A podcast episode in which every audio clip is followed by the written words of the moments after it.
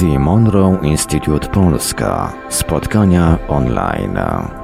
No to pora najwyższa wpuścić powoli wszystkich czekających na Zoomie i odpalić transmisję na antenie Radia Paranormalium. Zaczynamy kolejne spotkanie online The Monroe Institute Polska.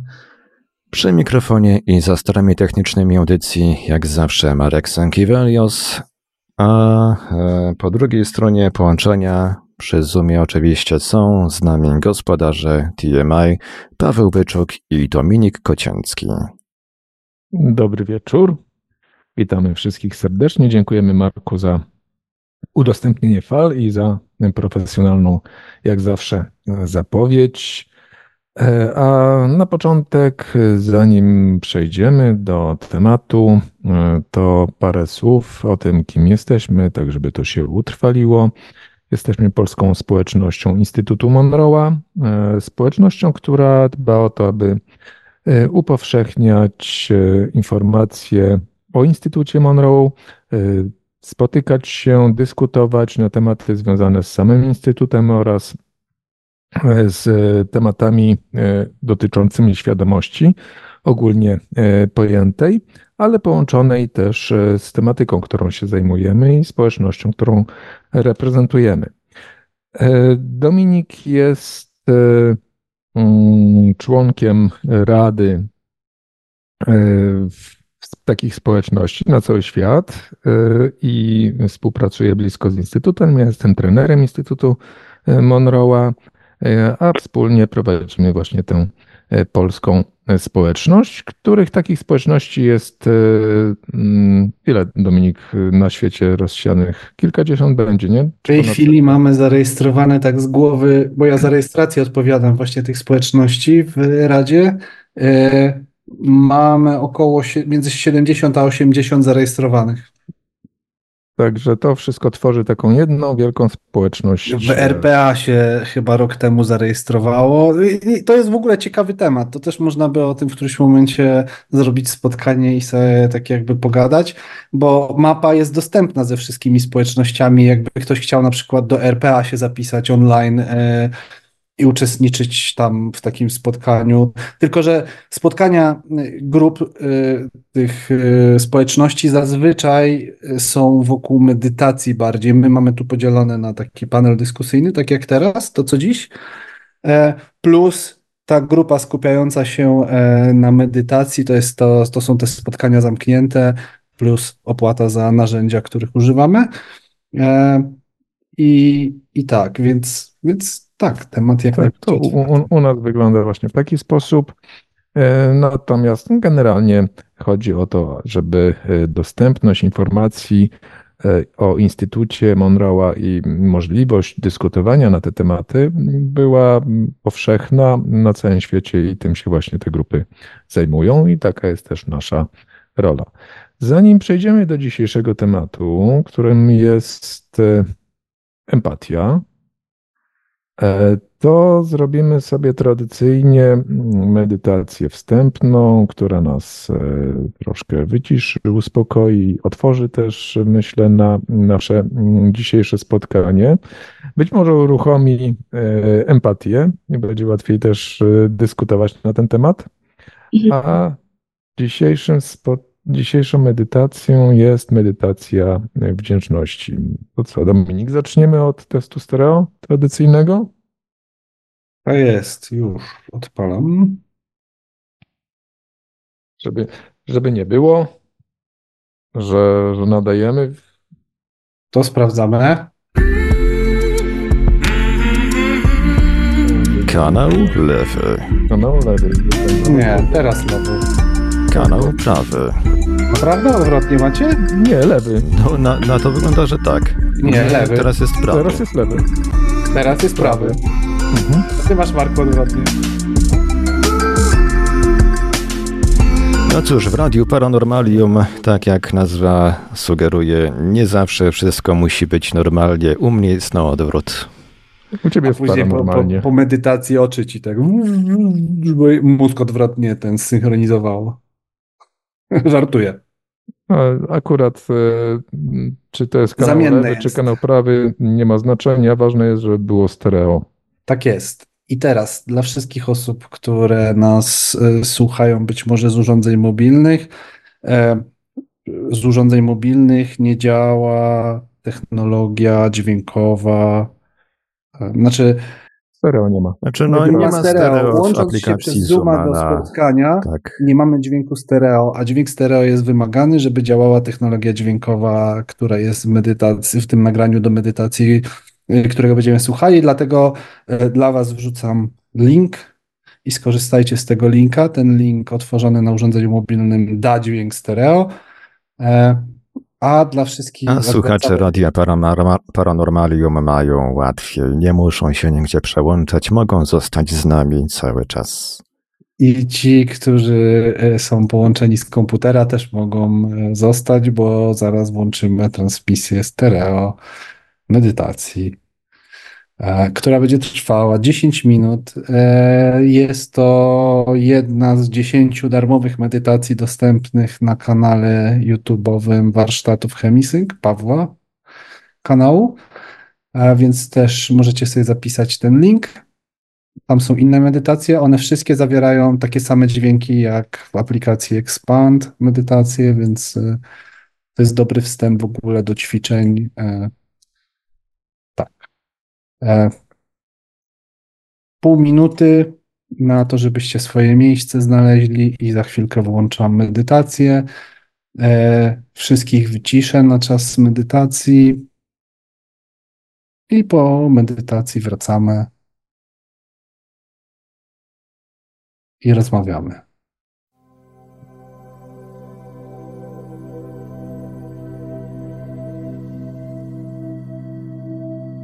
Medytacja wdzięczności.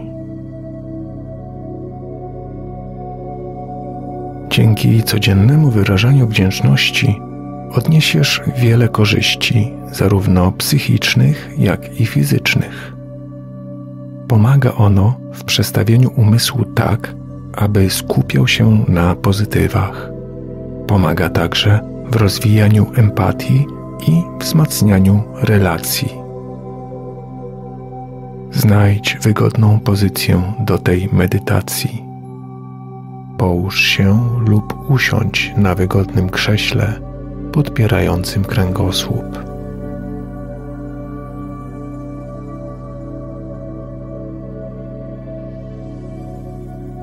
Skup się na oddechu. Weź głęboki, oczyszczający wdech a następnie wypuść powietrze łagodnie i powoli.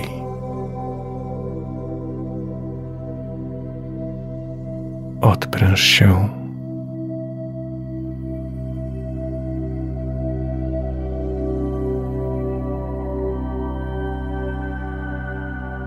Poczuj, jak z każdym oddechem odprężenie wlewa się do Twojej głowy relaksując Twoje czoło, skronie, szczękę i całą twarz.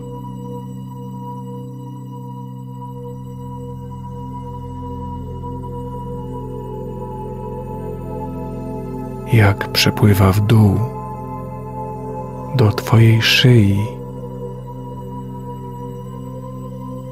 ramion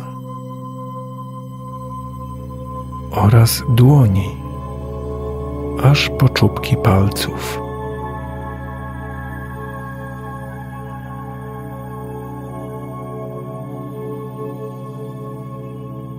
Teraz odpręż brzuch. Niech to uczucie spływa w dół przez Twoje biodra Twoje nogi aż do stóp.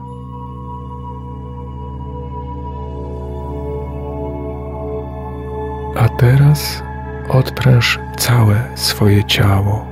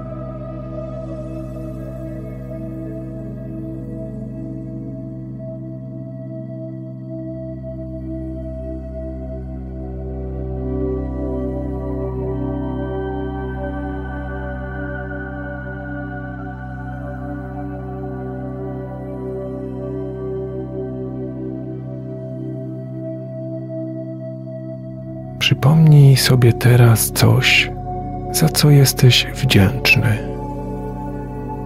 Nie ma znaczenia, czy będzie to coś wielkiego czy małego.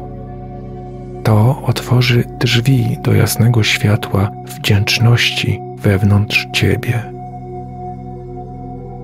Przywitaj i obejmij to jasne światło.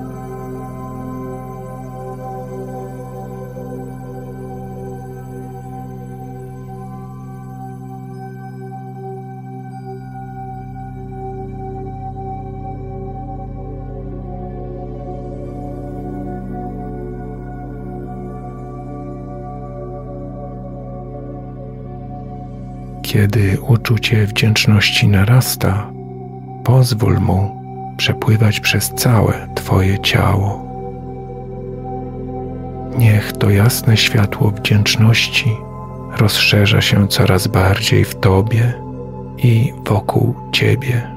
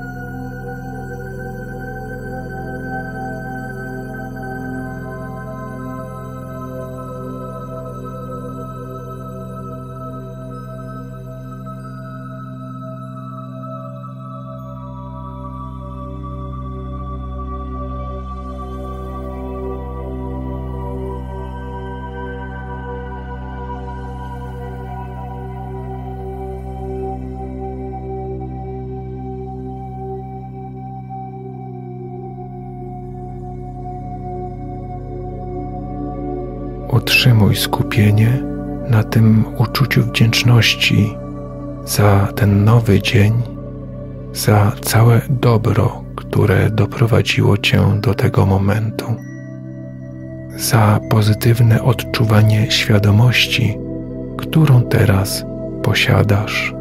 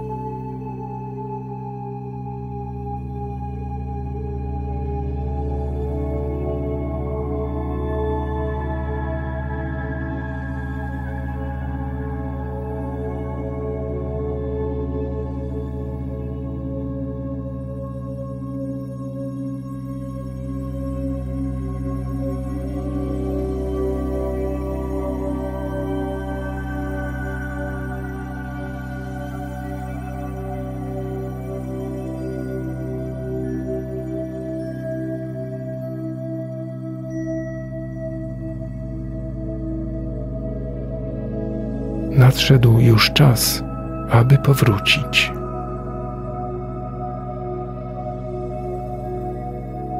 Skup swoją uwagę na swoim ciele fizycznym, na krześle lub poduszce, na której siedzisz. Stając się coraz bardziej rozbudzony, weź głęboki wdech.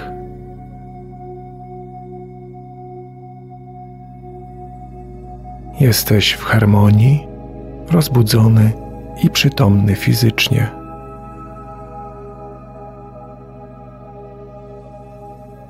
Otwórz oczy. Witaj z powrotem.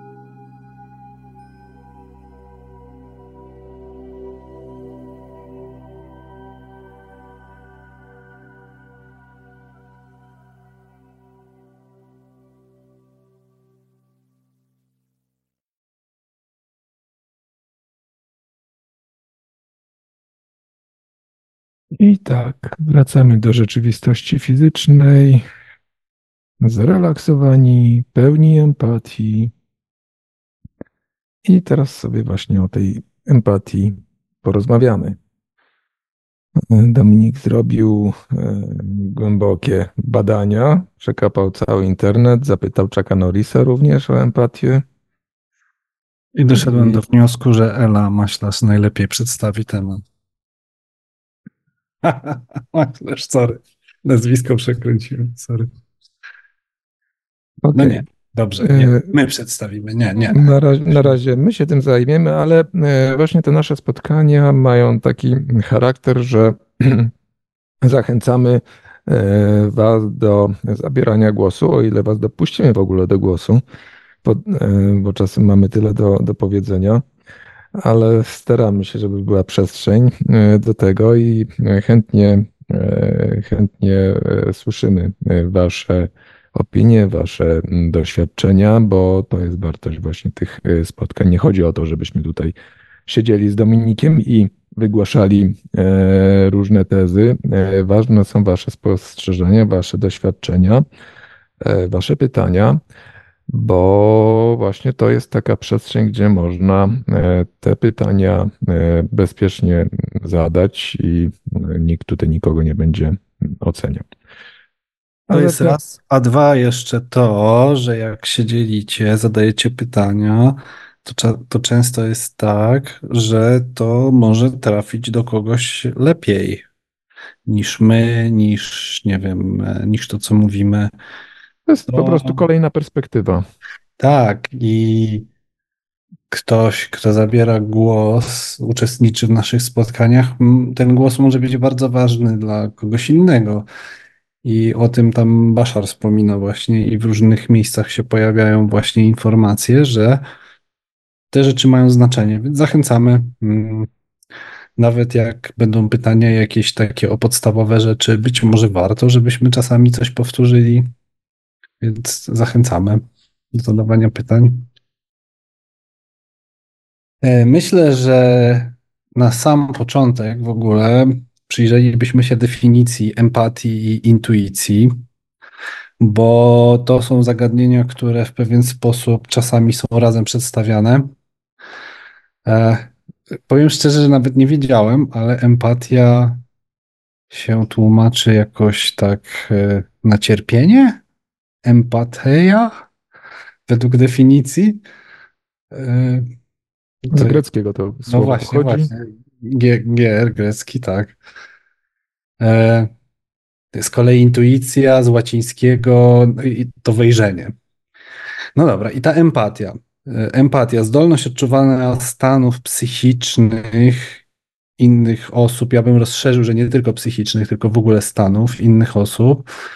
E, aha, okej, okay, tutaj psychicznych to jest empatia emocjonalna. Umiejętność przyjęcia innych ich sposobu myślenia, spojrzenia z ich perspektywy na rzeczywistość, empatia poznawcza. I to, to właściwie to, to drugie też jest bardzo ważne, o tym też będziemy mówić, że, że nie samo odczuwanie, ale też takie umiejętność postawienia się. Um... No tak, czyli wejście w buty tej osoby, tak? Tak.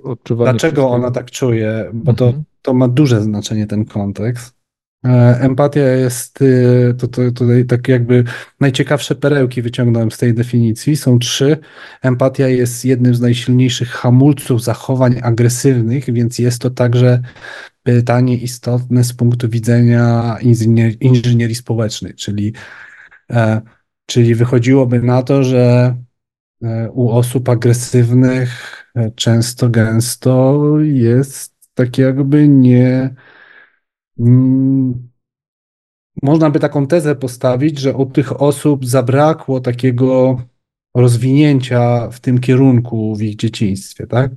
Mhm, tutaj można nawet e, się odnieść do e, tego, z czym być może nawet się spotkaliście, oglądając e, takie filmy prezentujące taką utopijną przyszłość, gdzie społeczeństwa są kierowane i bardzo często motyw, który się pojawia, to jest to, że ludzie w tych społeczeństwach przyjmują jakieś środki na E, wytłumienie emocji całkowicie.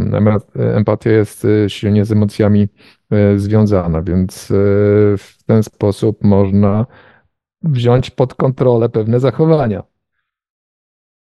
Zgadza się. Osoby pozbawione zdolności do empatii są bardzo agresywne, o silnej osobowości, narzucające swoją wolę i wizję świata nieznoszące sprzeciwu, nieuznające argumentów innych stron, niedopuszczające do swojej świadomości możliwości własnej pomyłki lub błędu, wysoce konfliktowe, bezkompromisowe. I to jest bardzo w ogóle ciekawe, bo ja, jak ja to czytałem, to doszedłem do wniosku, że pewne elementy z tego to ja miałem w swoim życiu wcześniej, e, no bo ja mam taki typ osobowości NTJ w MBTI i taki właśnie byłem bardzo, może agres z agresją nigdy nie miałem problemów, ale no, narzucające swoją wolę i wizję świata, nie znoszące sprzeciwu, nie uznające argumentów, no więc tak, byłem tam.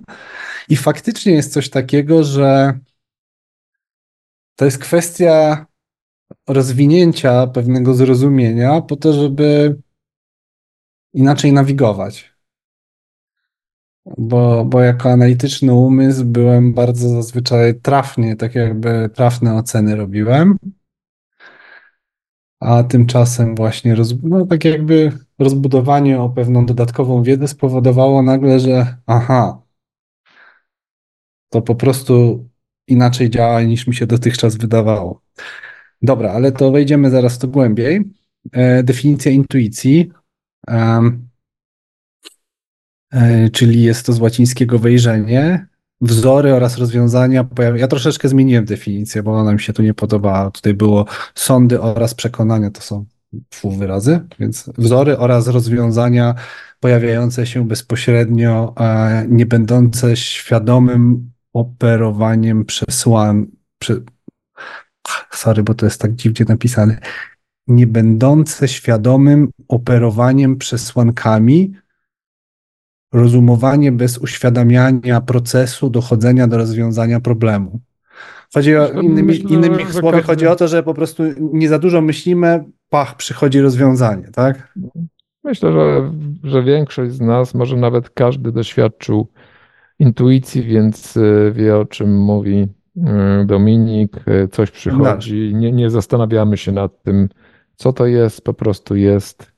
Możemy to ewentualnie albo z, e, zignorować, e, albo w, po prostu się temu poddać, przyjąć, że, że jest. W zasadzie tutaj jakichś specjalnie e, innych wyborów nie ma.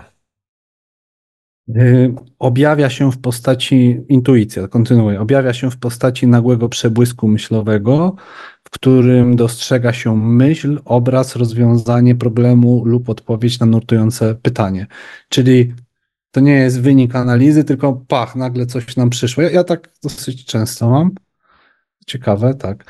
E, intuicja mylona jest e, z przeczuciem, o, tutaj ciąg dalszy, e, tak jakby przeskok w inne miejsce tej definicji z Wikipedii. Intuicja mylona jest z przeczuciem o podłożu emocjonalnym, czyli należy rozgraniczyć, że możemy emocjonalnie coś wyczuwać, a intuicja to jest tak, że nam się pojawia. Czyli nie ma, nie ma przed tym nic.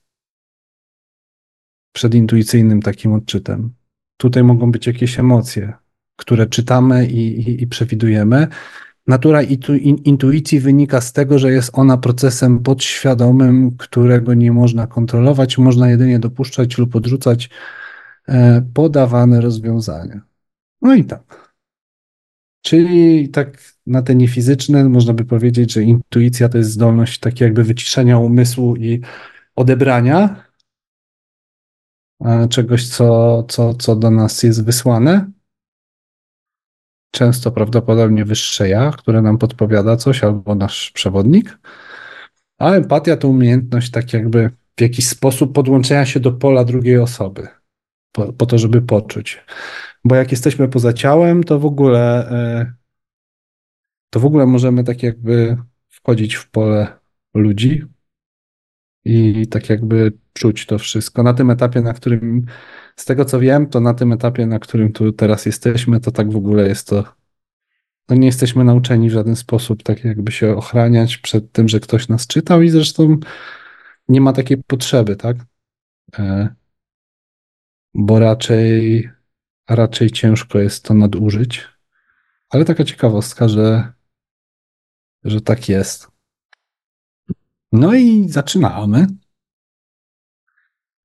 E, na początek myślę, że dobrze by było rozgraniczyć empatię taką bardzo rozbudowaną jako talent i empatię jako cecha, którą każdy ma. No to gdzieś tak e, zauważyłeś, że w zasadzie każdy empatię posiada w mniejszym, w większym stopniu poza może e, e, psychopatami. Zresztą I narcyzami.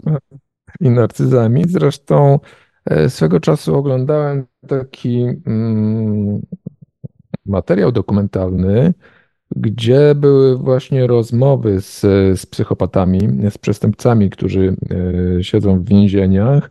Były też prowadzone badania na, e, na tych e, ludziach, e, badania mózgu i okazało się, że oni właśnie mają taki pewien obszar mózgu w ogóle wyłączony. Akurat ten mo- e, obszar mózgu, który za empatię odpowiada, mają całkowicie wyłączony, dlatego też mogą tak na zimno podchodzić do mm, tego, co robią i mm, robić wszystko z zimną krwią. Ja bym, ale, ale to, to jak już jesteśmy przy tych, tak, tak wskoczyłeś w tych psychopatów, ja bym powiedział, to jest też doświadczenie. Oni są potrzebni, żeby tak jakby Oczywiście. do, doświadczyć pewnych rzeczy, bo, bo, e, bo no, za chwilę właśnie w to będziemy wchodzić, no ale to tak zaspoileruję, to może, mm, bo przecież tak jakby jeśli empata ma zdrowe postawione, zdrowo postawione granice i, i tak jakby panuje nad tym swoim zmysłem, talentem, e, to takie osoby tylko trochę mogą nadszarpnąć tej empatii. Natomiast e, mam poczucie, że e, w mediach to się to strasznie dużo teraz się pojawiło o narcyzach, o psychopatach i o ho, ho, ho, ho. Natomiast hmm, to, co jest bardzo ciekawe, to to, że w większości nagrań, takich, które przynajmniej gdzieś tam trafiam, jest, jest, jest bardzo mało nagrań, jak samemu się rozwinąć i w ogóle, a jest całkiem sporo widuje, jak dowalić tym psychopatom i narcyzom. Co jest takie jakby zniżaniem się do ich poziomu i właściwie stawaniem się poniekąd wchodzeniem w ich buty. No to z jednej strony, z drugiej strony też stoi to w opozycji do tego, co do, do tych wartości, które my tutaj też staramy się e, promować, wartości, które e, przekazuje Instytut Monroe'a, wartości, które, do których e, ty się często odnosisz, czyli mm, przekazywanych przez Bashara, że zamiast dążyć do podniesienia swoich wibracji, do wejścia na mm, taki poziom energii wdzięczności, energii miłości,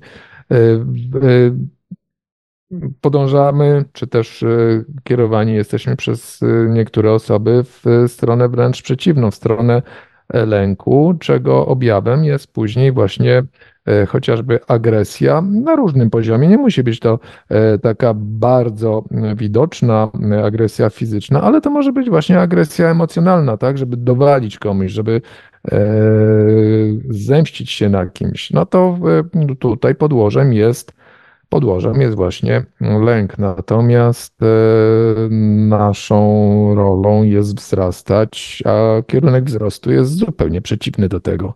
I on pozwala w, otworzyć te pokłady empatii w sobie. Ja bym połączył tych narcyzów i psychopatów z tym, co było wcześniej w definicji empatii. Przyjęcie ich sposobu myślenia, spojrzenie z ich perspektywy na rzeczywistość. Czyli teraz o narcyzach to nie jestem pewien, ale mogę powiedzieć o psychopatach na pewno, że psychopata nie ma wyboru, bo on ma neurologicznie tak jakby uwarunkowany mózg i nie ma tej empatii. I teraz zgodzę się, że należy mm, być może jakieś działania podejmować wobec tych osób, żeby ograniczać szkody, ale, ale przecież krzywdzenie ich za to, że oni tak zostali, no tacy są, no to nie jest właściwy kierunek. Tak jakby. E, no, e, z, pew z pewnością nie. Wydaje mi się nawet, że były tam jakieś badania prowadzące, e, prowadzone w kierunku tego, żeby ten obszar jednak w jakiś sposób aktywować, chociaż w minimalnym stopniu, żeby żeby ta osoba była bardziej przydatna społecznie. No to jest ogromny temat, nie? Natomiast mhm. tak jakby chodzi mi tutaj o to, że z jednej strony rozmawiamy o właśnie o takim wysokie wibracje w górę, samoświadomość, a z drugiej strony tam zaraz komuś będziemy, wiesz, tak jakby oddawać. E, no ja myślę, że ja to bardzo rezonuję tutaj w tych tematach z takimi hasłami. To z różnych miejsc się pojawia, że po prostu jak tak jakby odpowiednie mamy nastawienie, wibracje i, i, tak jakby nie boimy się tych psychopatów. Ja, ja, w ogóle nie spotkałem na przykład osobiście żadnych takich osób. Znaczy być może spotkałem, ale nie wiedziałem o tym. Nie brali mnie na celownik, nie wiem. Bo może, bo może nie były to aż tak silnie psychopatyczne osobowości. Albo tak, albo ja po prostu właśnie jakoś nie dawałem im punktu zaczepienia, nie? W mhm. sensie nie no byłem... Przy, przypuszczam, że to może być tak, coś takiego. Oczywiście to jest spekulacja tylko, że w momencie, kiedy mają kontakt z silną osobowością, która e, w, może w odczuciu takich osób e, też wykazywać podobne cechy, e, to mogą sobie po prostu od, odpuszczać i dlatego też jest tak. Mm, być może. Ja myślę, że, ja myślę, że y, to jest dłuższy temat, bo po prostu myślę, że psychopaci w pracy to są w takich miejscach, gdzie są większe pieniądze i w ogóle, nie? gdzie ja po prostu za tym nie goniłem jakoś aż tak ostro. Ale wydaje mi się, że właściwym, tak jakby tutaj jest takim jeśli będziemy umieć o siebie dbać i, i, będziemy dbać o swój stan, niezależnie od tego, z kim mamy kontakt, to niezależnie, czy to będzie narcyz, czy psychopata, ktoś przyjdzie i nam będzie mieszał w naszych klockach, to jak będziemy dobrze nauczeni te swoje klocki, tę swoją, swoją przestrzeń ogarniać, to natychmiast wyłapiemy, że coś jest nie tak i poprzez jakiś taki wewnętrzny wgląd szybko dojdziemy do tego, że halo, halo, ale, ale nie, nie, tak? To jest ten cel, taki jakby kierunek. E, I poniekąd, no, no, no tak. To a no, propos... Zdecydowanie tak. Umiejętność zarządzania tym, kim jesteśmy, rozpoznawania tego, jak e, funkcjonujemy w tej rzeczywistości ma tutaj kluczowe, kluczowe znaczenie, no bo możemy po prostu podjąć określoną decyzję w określonych warunkach i coś z tym zrobić. Albo się, e, powiedzmy, jeżeli będzie to sytuacja taka, z której sam sobie nie poradzę, powiedzmy odpowiednio się zamykając, po prostu wyjść całkowicie z tej sytuacji, albo się na tyle oskorupić, że się tak wyrażę, że to nie będzie dotyczyło więc e, tutaj będziemy właśnie jeszcze takie tematy e, poruszać dotyczące tej empatii. Mm, tak, no ja mogę powiedzieć z tych, z tych tematów to też, że, że e, Damian kiedyś był tutaj u nas na kanale, Damian od, od Aury. Jak się z Damianem pierwszy raz poznałem, byłem u niego w Częstochowie, to pierwsza rzecz to mnie podłączył do aparatury, tam zyknął dwa razy, ja mówię, no i co? On mówi, ani psychopatą, ani socjopatą nie jesteś. Ja mówię, co? No i tak mnie odebrał, no. Więc e, tak to jest. Mm, e, że w ogóle najważniejsze to, to o siebie umieć dbać i siebie znać. I ja wiem, czemu tak mnie odebrał, natomiast to jest taka ciekawostka właśnie, że może nam się wiele rzeczy wydawać, już nie możemy odbierać. Hmm. Hmm. E, wraca, wracając do tematu. Dokładnie. Każdy, każdy poza tymi dwoma typami, o których mówiliśmy, ma w mniejszym lub większym stopniu e, rozwiniętą empatię, a niektó u niektórych osób e, jest ona swego rodzaju talentem. Tak, i talentem, zazwyczaj talentem jest u osób, które, bo to też tak jakby warto połączyć to, że w taki sposób, żeby tak jak już kiedyś wspominałem, na przykład ja w którymś momencie się rzuciłem na komunikację ze zwierzętami, bo to jest całkiem fajne. E, po czym po, po jakiejś tam analizie samego siebie, medytowaniu nad tym, doszedłem do wniosku, że bardzo bym, bym chciał tego się nauczyć, żeby efekt wow wywoływać, ale nie jest to moje pragnienie. Po prostu chciałem zobaczyć minę kogoś, e, komu powiem, co jego pies robi, jak w toalecie na przykład siedzi. E, no tak, no ale to, to, to, to, był ten kierunek. Natomiast i tutaj też należy tak jakby warto połączyć, że mm, ten taki nam bardzo rozbudowany jako empatia, jako talent, zazwyczaj będzie u osób, gdzie, które mają w jakiś sposób powiązane to ze swoją pasją, z tym, co jako dusza lubią robić, jakieś leczenie, pomaganie innym. E, więc warto tak jakby się zastanowić, zanim na przykład ktoś zacznie się na tym skupiać, bo mam poczucie, że ta empatia jest trochę taka, nie chcę powiedzieć przereklamowana, ale bardzo duży nacisk się kładzie. Znaczy, fakt, to co przeczytałem, empatia jest w jakiś sposób e, lekarstwem na agresję. Ale nikogo nie zmusimy do tego, żeby się nauczył empatii, Mm, więc we własnym zakresie raczej, jeśli mamy w sobie dużo agresji wobec innych i, i ten, no to warto inwestować w tę empatię.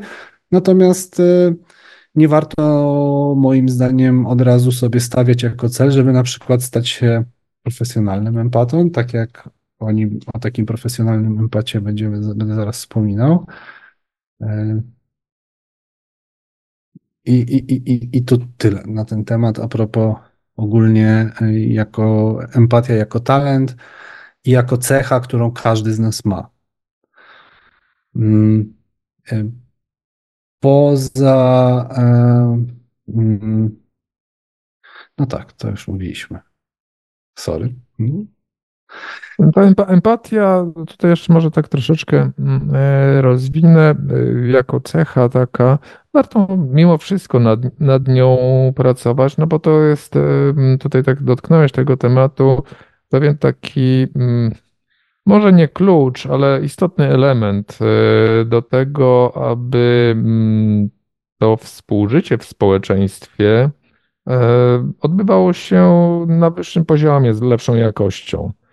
E, kiedy po prostu będziemy, gdy zakładając oczywiście, że, że wszyscy tą empatię mają i wszyscy szanują perspektywy i odczucia innych osób, to wtedy to ma mm, jak najbardziej rację bytu i, i ta jakość, y, można sobie wyobrazić, że ta jakość współżycia w społeczeństwie y, pewnie by wzrosła. Natomiast e,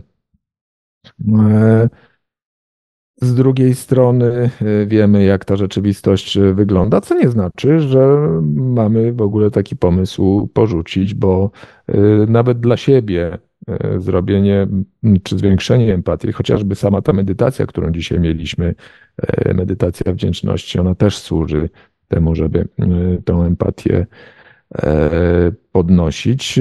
Pomaga, będzie pomagała nawet z czysto takiej e, osobistej perspektywy, tak? Jeżeli chociażby będziemy prowadzić jakieś, e, nie wiem, negocjacje, rozmowy z, z kimś, łatwiej nam będzie, wczuwając się w, w drugą osobę, dojść do jakiegoś konsensusu albo znaleźć rozwiązanie, podpowiedzieć jakieś rozwiązanie. Także e, z pewnością ma to wiele e, swoich zależy, kto ma jakiś styl. warto na tym pracować. To zależy, kto ma jakiś styl, bo na przykład bardziej natywnie ze mną jest na przykład, żeby tak wyłożyć swoje, że przebije wszystko, nie? Albo będzie tak neutralne, że trafi do większości. O, to takie mniej. Okej, okay, w porządku, ale też wtedy warto wyczuć yy, yy, te dru- tą, tą, tych oponentów, drugą osobę, bo może mimo wszystko nie trafić. Może być to takie właśnie forsowne bardzo. Ja ciebie rozumiem, ale ja na przykład nie jestem osobą, która rezonuje z tym, co tutaj teraz powiedziałaś. Ja na przykład niekoniecznie chcę. To jest też ciekawe, bo ja w swoim związku odkryłem, że mam, no naprawdę potrafię być bardzo gdzieś tam w środku, mam, potrafię się podłączyć i czuć drugą osobę tak bardzo, ale ja tego nie chcę. A i to nie jest związane z jakimiś tam krzywdami, z czymś, tylko to nie jest mój styl w ogóle, tak jakby. Więc dlatego tak mówię, że warun zwarunkowałbym to po prostu. Jeśli ktoś rezonuje z, z, wykorzystaniem empatii jako narzędzia, to tak, to wszystko to, co powiedziałeś. Tylko jeszcze dodałbym, że są osoby, które niekoniecznie lubią taki styl. O. No oczywiście, to, to, to I to też jest ok. Traktu, traktuję jako, jako możli, możliwość, jako narzędzie, e, bo nie chodzi o to, no, zresztą do tego też dojdziemy, żeby oddawać się całkowicie, zatracać granice i dawać sobie wchodzić na głowę, bo to nie tędy droga. Bo to jest, z kolei skrajność e, w drugą stronę. Ale ty mówisz, Pawle, już o, tak jakby o, wchodzisz w tą empatyczność, a ja w ogóle tak jakby ograniczam u siebie empatię, jeśli chodzi o pracę i nie bardzo, nie, niekoniecznie chcę z niej korzystać za wiele. To zależy którą, tak jakby tak nie chcę się podłączać i zgłębiać na przykład, tak? Bo to y, tutaj mówimy o takim pogłębianiu pracy z tym, no na przykład właśnie ja z tym nie rezonuję, jeśli chodzi o taką pracową przestrzeń. I to jest też całkiem ok. Jeśli ktoś słucha i to właśnie warto tak jakby, bo dlaczego o tym mówię? Bo ja na swojej drodze też trafiałem w różne takie miejsca, gdzie mi się wydawało, bardzo wiele takich miejsc, gdzie mi się wydawało, ja, tak jakby w wielu rzeczach się różniłem od ludzi dookoła siebie, co już teraz wiem. I mi się wydawało, że coś ze mną jest nie tak. A tymczasem po prostu inaczej trochę mam i, i warto, tak jakby tu zostawiam taką właśnie um, zwrotnicę, wytrych dla wszystkich osób, które być może nie rezonują z tym, że to też może być ok. I e, ja rezonuję z tym, żeby się tak nauczyć postępować, żeby nikogo nie krzywdzić, e, widzieć tych, tak jakby tych ludzi trochę inaczej, ale nie podłączać się tak dosłownie i nie czuć tego, co oni? No, czyli taka, ta, tam, tak jak były te rozgraniczenia, różne wersje empatii, no to ja bym, ja, ja na przykład nie rezonuję z tym, że tak głęboko e, się podłączać. To tak. No, ja o tym nie mówiłem absolutnie, żeby się głęboko podłączać, no ale właśnie ta empatia, która pozwoli nam na zrozumienie perspektyw innych osób. To jest y, cenna rzecz. Okej. Okay. No tak, tak. Ja tak we mnie zagrało po prostu, że wiesz, żeby zostawić, że to nie zawsze musi głęboko by iść, czy też być pożądane.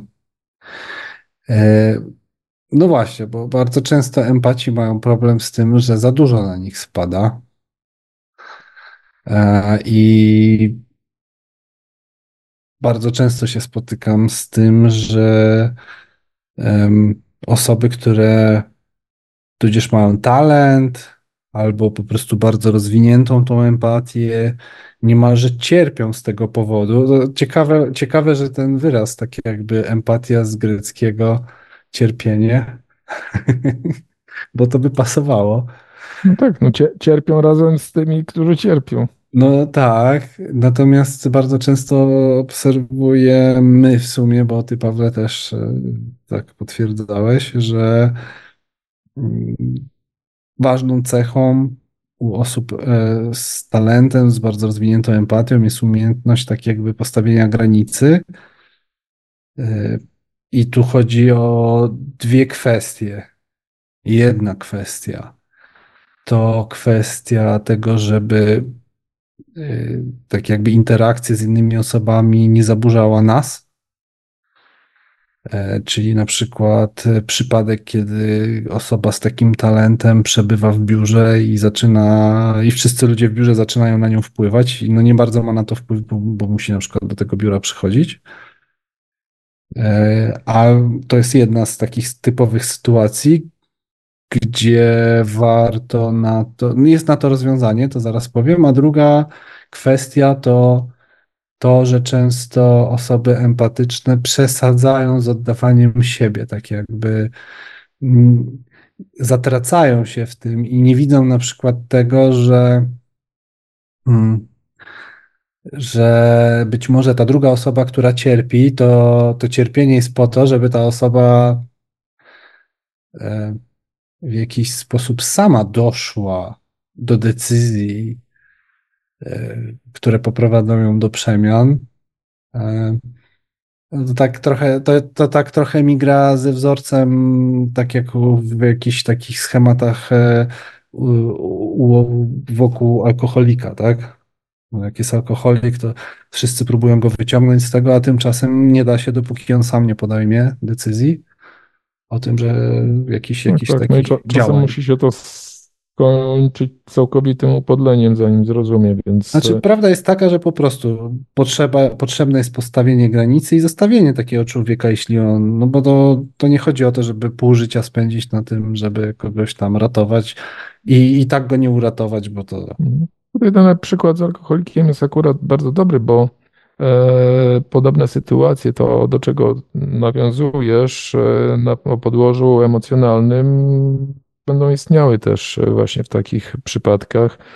I empatyczne osoby będą chciały bardzo pomóc komuś, kto powiedzmy, nie wiem, ma syndrom ofiary, e, i pomagając tej osobie, głaskając po głowie i tak dalej. Różne oczywiście mogą być podejścia, ale może akurat w danym momencie ta osoba potrzebuje zupełnie tego innego, bo taki empata tylko mm, utwierdza tę osobę w, w tym, że ona postępuje właściwie. Więc y, wcale nie, nie pomaga w, tym przypadku. No tak, bo tak jakby ścieżka wyjścia jest najważniejsza. Często jest tak, że no właśnie to, to niestety tak jest, że i później, się, I później są takie właśnie przypadki, różne konfiguracje, że narcyz wchodzi w związek z, z, z empatą i, i się robi problem.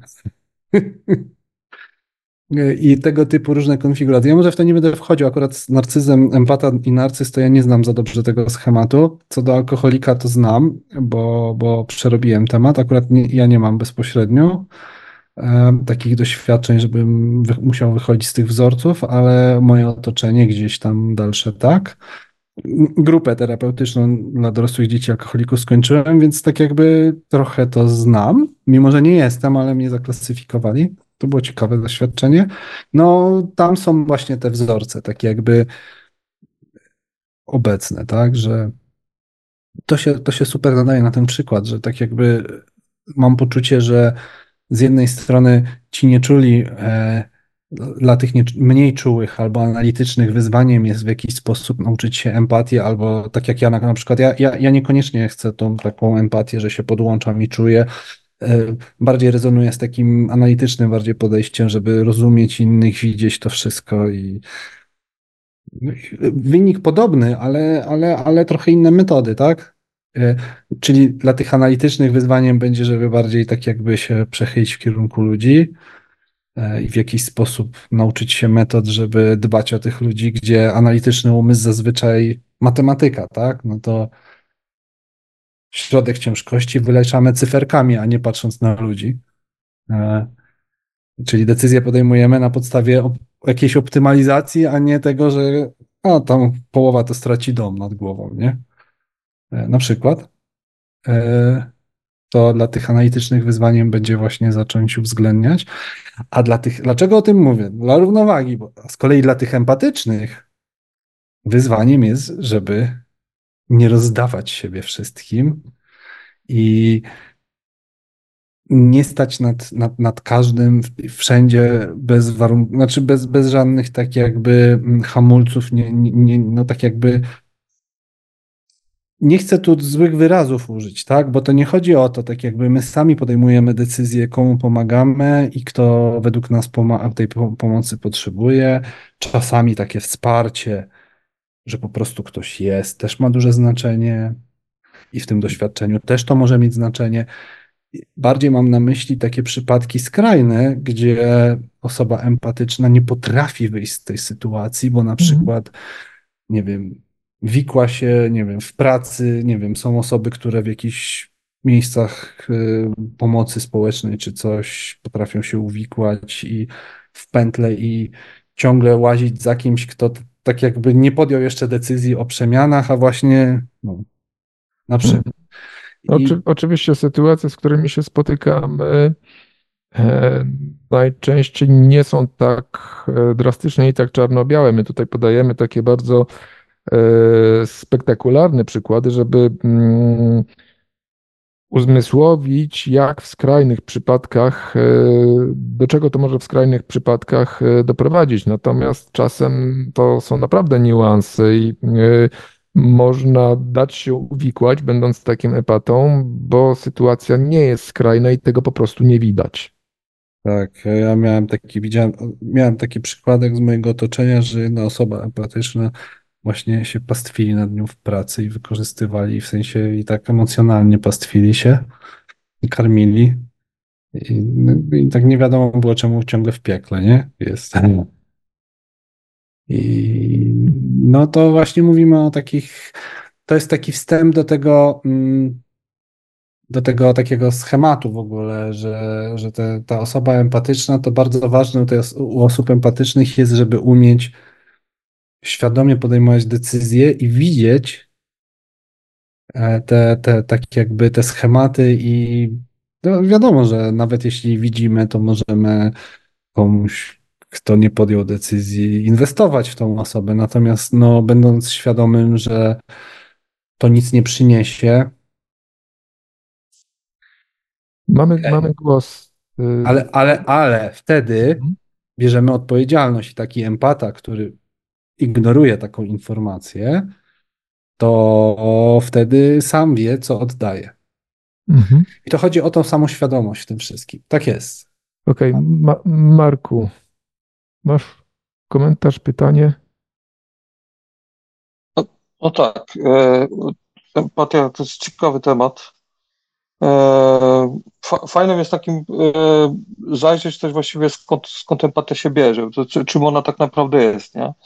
Moim odczuciu to jest taka cecha e, ludzka nabywana w, e, w momencie, kiedy, kiedy żyjemy wśród innych ludzi, doświadczamy emocji.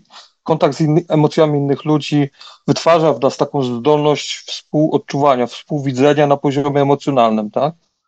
Teraz jakby e, tutaj były tematy narcyzów i, i psychopatów i tak dalej. I teraz dorastanie w obecności skrajnie negatywnych, trudnych emocji będzie powodowało, może powodować paradoksalnie empatię taką nadwrażliwą taką, tak? Osoby wystawione na duże ryzyko, na duże poziomy lęku są bardzo niezmiernie empatyczne, dlatego że one naturalnie uczą się instynktownie wyczuwania otoczenia, po to, żeby wiedzieć, e, kiedy nachodzi zagrożenie, tak? Czyli zdolność czytania otoczenia daje im sygnał, kiedy mają się schować, kiedy mogą się ukryć. No na przykład dziecko w otoczeniu rodziny, gdzieś tam, gdzie jest problem alkoholowy, gdzie tata się pojawia w dziach, już widać gdzieś tam z daleka po jego zachowaniu, po mowie ciała, że tam się już coś dzieje, to daje sygnał, aha, muszę być tam, muszę się wycofać, muszę się powiedzmy chronić w tym momencie, tak? To, to jest, ja osobiście w mojej pracy spotykam bardzo wielu ludzi, mają tak zwaną nadwrażliwość, tylko nadempatię, tak? Ale to jest wynik e, doświadczeń trudnych, traumatycznych, takich traum relacyjnych zwyczajnie. Natomiast e, jest też taka empatia, która może się rodzić, taka zdrowa empatia rodzi się w obecności takiej miłości zwyczajnie, tak? Kiedy mamy zdrową, fajną opiekę bliskich i wtedy uczymy się takiego zdrowego współodczuwania, czyli to jest e, e, widzenie, czucie drugiej osoby, przy, e, zdolność przyjmowania perspektywy drugiej osoby, co daje nam taką możliwość e, troszeczkę przeskoczenia swojego własnego egoizmu, tak, i, i, i, i szukania takiego spotkania w pół drogi. bo też trzeba by powiedzieć, że empatia jest wynikiem pewnej, pewnej takiego dojrzałości emocjonalnej, tak, i, i dorosłości, bo egoizm jest cechą dzie dziecięcą, wszyscy rodzimy się na poziomie dziecięcym z egoizmem, tego się wyrasta, a jakby efektem tego, tego, że porzucamy ten dziecięcy taki ślepy egoizm, jest, jest ta zdolność, między innymi ta cecha empatyczna, tak, że potrafimy zostawić swój e, własny, że tak powiem, komfort na daną chwilę i popatrzeć, co potrzebuje druga osoba i pomierzyć, ile dobrego dla mnie, ile dobrego dla tej drugiej osoby i to możemy się w pół drogi spotkać, tak? Czyli to jest tutaj taka, taka ta.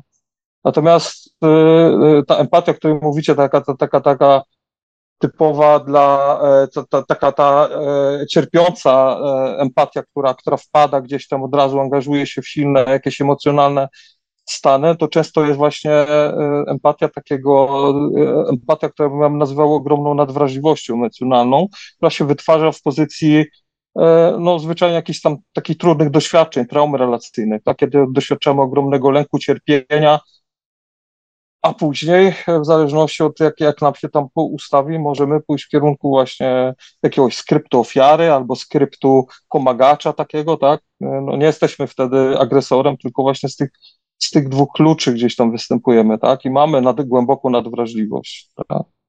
No ona to, to nie jest cecha e, pozytywna, dlatego że, że mimowolnie możemy łapać takie silne, głębokie stany emocjonalne, a nam nie jest potrzeba, żeby, żeby rezonować głęboko z, z głębokim cierpieniem, traumą drugiego człowieka. Tak?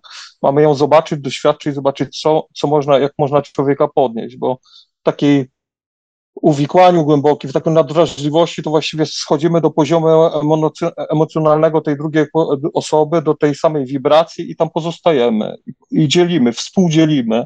A to współdzielenie nie jest wyjściem w drugą stronę do góry, tylko będzie takim, że tak powiem, współwikłaniem, tak? W moim odczuciu. Dla mnie to. Nie wiem, czy to jest. Znaczy, dla mnie w tym, co mówisz, jest sporo takiego, ja bym to nazwał Twoimi przekonaniami, interpretacją, bo Empatia to jest mhm. zdolność do podłączenia się, a, a, a w Twojej definicji jest powiedziane, mhm. co robić z tą empatią i jak. A to już decyduje każdy sam. I a nadwrażliwość to jest dla mnie, na przykład dla mnie, to jest zupełnie co innego nadwrażliwość. Nadwrażliwość, tutaj zgodnie z definicją, to jest po prostu mm, przesadne reagowanie na sytuacje powtarzające się, które nam się w jakiś sposób kojarzą, ale to niekoniecznie ma coś wspólnego w ogóle z empatią. Mhm. Czyli mhm. nadwrażliwość, może że ktoś być, tak. bardzo wyczulony yy, mhm. i może korzystać ze zmysłu empatii, albo nie, ale to jest trochę co innego, nie? Pawle? Mhm, ja tutaj też bym to też yy, tak widział właśnie o tej nadwrażliwości, szczególnie w tych sytuacjach, o których mówiłeś, jakichś przemocowych. Mm. No, jeżeli przyjmiemy, będziemy się trzymać tej definicji, którą przedstawiliśmy na początku empatii, czyli wczuwania się w, i jakby współodczuwania mm, emocji drugiej osoby, no to w przypadku tych sytuacji przemocowych to raczej tutaj nie mamy do czynienia z tym. Możemy właśnie tam wykształcić taką wrażliwość czy też intuicję, e, która pozwala nam zidentyfikować potencjalnie zbliżające się zagrożenia, co nie znaczy, że to nie może wykształcić również e, empatii. Jak najbardziej może być e, takim impulsem, który tę empatię pobudzi i umiejętność wczuwania się w emocje. Także nie, to jest bardzo ciekawy, ciekawy głos, jak najbardziej, z tym, że łączy wiele, wiele aspektów. I tak a propos jeszcze w trakcie właśnie tej wypowiedzi sobie przypomniałem, że a propos empatii na poziomie takim z perspektywy psychologii, ja się, psycho, ja się psychopatią interesowałem w którymś momencie, y, empatia jest poniekąd, tylko nie przytoczę dużo szczegółów, ale na SWPS-ie były na ten temat takie całkiem ciekawe wykłady. Empatia i pewien, może tak, można by, rozgra- można by tak jakby tą empatię też rozgraniczyć bardziej tak przyziemnie z perspektywy psychologicznej, z perspektywy niefizycznej. W tym wszystkim ma znaczenie to, czy w ogóle chcemy z niej korzystać i jak chcemy z niej korzystać. I to się może łączyć albo i nie. na poziomie stricte fizycznym e, w mózgu odgrywa, jest coś takiego jak neurony lustrzane, które e, pomagają nam, które w jakiś sposób, które pomagają odczytać stany drugiej osoby. I właśnie tych, tych lustrzanych chyba też nie ma psychopata i te ośrodki jakieś ma, tak też coś jest nie tak z tymi ośrodkami, że, że, że psychopata nie odczuwa, tak? Natomiast e, i teraz środowisko, w którym się wychowujemy, ma wpływ na poziomie neurologicznym na to, jak nasz mózg, czy nasz mózg będzie produkował więcej tych lustrzanych, czy, czy mniej i tak dalej.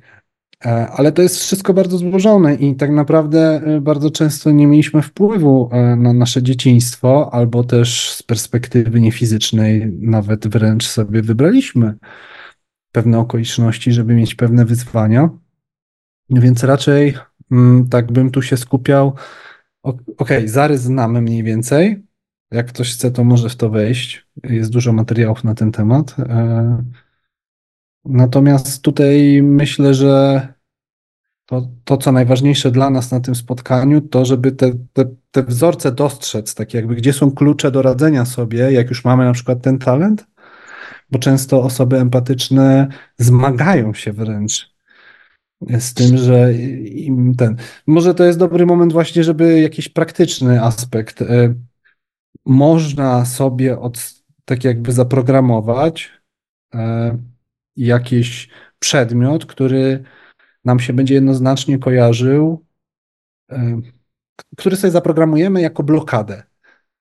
Blokadę naszej, naszej empatii. I tak właśnie się stało. W, jest taki firm, który się nazywa Super Power Movie.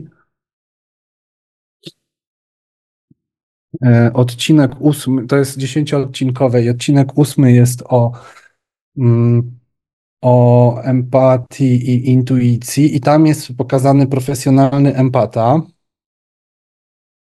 David Savage. Savage? Czy nie wiem, jak to się czyta. E, I on właśnie pokazywał ten medalion. A spróbuję wam go pokazać. Tego Davida. E, Dobra, nie znajdę. E, jest też e, Joe Gallenberger w tym odcinku, który gdzie się, to jest trener z Instytutu Monroe, który jest odpowiedzialny, który się specjalizuje w manifestacji.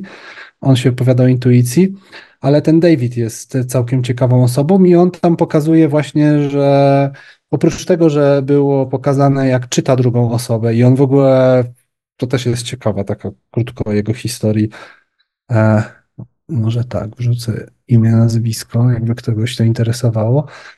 A on w ogóle całkiem całkiem dużo zaczął zarabiać na tym zmyśle empatii, bo przychodzi, on mieszka w Nowym Jorku i przychodzili do niego e, bardzo majętni ludzie, żeby ich czytał i im mówił, co czyta z ich pola. No i się okazało, że to dla właśnie wielu osób e, majętnych to jest problem. Odczytać swój stan. To jest, no i przez jakąś drogę własnych przemian sam ten David doszedł do tego, że okej, okay, teraz pora tak jakby podzielić się w ogóle tym moim talentem i tym wszystkim, co ja wiem ze światem i przestał się skupiać na robieniu pieniędzy przez czytanie innych i zrobił na przykład kurs dla empatów o empatii. Rzucam na czat. E, to jest całkiem, całkiem świeże, bo jeszcze rok temu tego nie widziałem. 99 dolarów, e, dolarów kosztuje, sam bym sobie na to poszedł. No i ogólnie tak jakby dzieli się ze światem. W tym nagraniu właśnie pokazuje, że on ma taki medalion, jakiś tak na sznurku takie coś, co zaprogramował, że jak to zakłada, to wyłącza te swoje zmysły empatyczne, żeby otoczenia ludzi nie widzieć, znaczy nie, podłączać się do innych, nie słyszeć ich myśli od strony energetycznej. No i to działa tak jakby. I to jest e, jedno z takich narzędzi, e, które korzystając z technologii dźwiękowych z instytutu na przykład, możemy sobie zrobić, żeby, żeby tak jakby żeby to nie wyglądało tak, że ciągle się musimy czyścić, jakieś granice stawiać, tylko żeby właśnie mieć jakieś narzędzie takie, które mniej energii od nas wymaga i jest bardziej takie przywiązane do przedmiotu na przykład. O. To jeśli chodzi o stawianie, o, o blokowanie i myślę, że to bardzo ważna rzecz u, u osób empatycznych w ogóle. Tak jakby właśnie takie wplecenie trochę racjonalnego myślenia yy, w ten empatyczny sposób bycia. E, spotykam się też całkiem. Zdarza mi się spotkać właśnie też z takimi sytuacjami, gdzie osoba empatyczna w ogóle tak jakby przez pryzmat empatii nie bierze odpowiedzialności na przykład za to, co się dzieje. Jest, jest, jest na przykład, taka osoba jest na przykład odpowiedzialna za jakiś tam zespół, za, za coś, za jakiś obszar w pracy. No, okej, okay, trudno się wydarzyło, ale nie ma żadnej logiki w tym dalej. No i to też nie, nie o to chodzi, tak? Czyli okazujemy empatię, nie jak ktoś popełnił błąd, ten, ten, to tak jakby to ta osoba zazwyczaj już sama wystarczająco sobie we wewnętrznym dialogu, yy, że tak powiem, wymierzyła yy, karę, czy też cierpienie jakieś, czy też Y, wyrzuty sumienia. Zazwyczaj mm, tak naprawdę to bardzo często jak popełniamy błąd, to już nie, nie trzeba tak jakby nic dokładać do tego, ale mimo wszystko mam poczucie, że spotykam się z tym, że takie empatyczne osoby powinny trochę bardziej też kierować i tej logiki wplatać, tak? Czyli okej, okay, nie wyszło ci,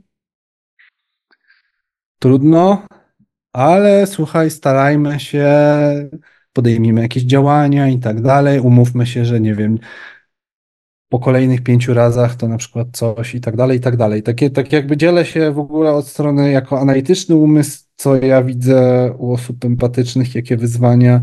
I... Mhm. Jak, jakbyś zrobił, jakbyś to zrobił, żeby było dobrze, inaczej? No tak, właśnie w jakim kierunku warto pracować, bo te osoby często tak jakby nie widzą tego, o czym teraz mówię, no i to i ciągle jest pewien stan taki, że nikt za nic nie odpowiada i w ogóle.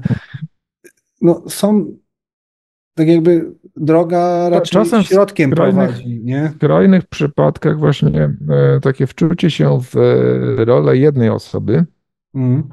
odbywa się kosztem całej grupy. No właśnie. I, i wtedy e, ten taki empata nie czuje całej grupy, tylko czuje tę, tę jedną osobę i, i to też może rodzić e, duże konflikty, więc e, znamy takie sytuacje z Dominikiem. Tak. E, I no, jak, to, jak to się mówi, mm, smród zostaje potem. Tak, i to jest, y, i wbrew pozorom, to, jest, to są sytuacje, w których e, taka empatyczna osoba skupia się na kimś słabym, komu tam nie wychodzi w ogóle, i się tak skupia, skupia, skupia, a nie widzi tego, że cierpią dookoła inni, którzy na przykład się bardziej, nie wiem, bardziej są ogarnięci, na przykład im bardziej wychodzi, ale po pewnym, w pewnym momencie zaczynają, zaczyna cały zespół cierpieć, jak tak wszystko jest ciągle przyrównywane do tej najsłabszej osoby. Więc podsumowując, y, nie tędy droga, żeby to, ta empatia się zatrac żeby zatracać się w tej empatii i tak tylko empatia, empatia, tylko właśnie przeplatać to też jakąś logiką, ustalać jakieś granice, czyli umówmy się, że jeśli kolejne pięć razy ci nie wyjdzie, to, to na przykład wdrożymy jakieś rozwiązanie, tak? I wtedy, mhm. no, na przykład. Oczywiście łatwo jest mówić tutaj z perspektywy takiej mm, analitycznej, e, kiedy e, ta empatia, powiedzmy, nie jest takim czynnikiem, który e, nas mocno wiąże. I podawać takie przykłady. A z drugiej strony wrócę do tego, co wcześniej mówiłem.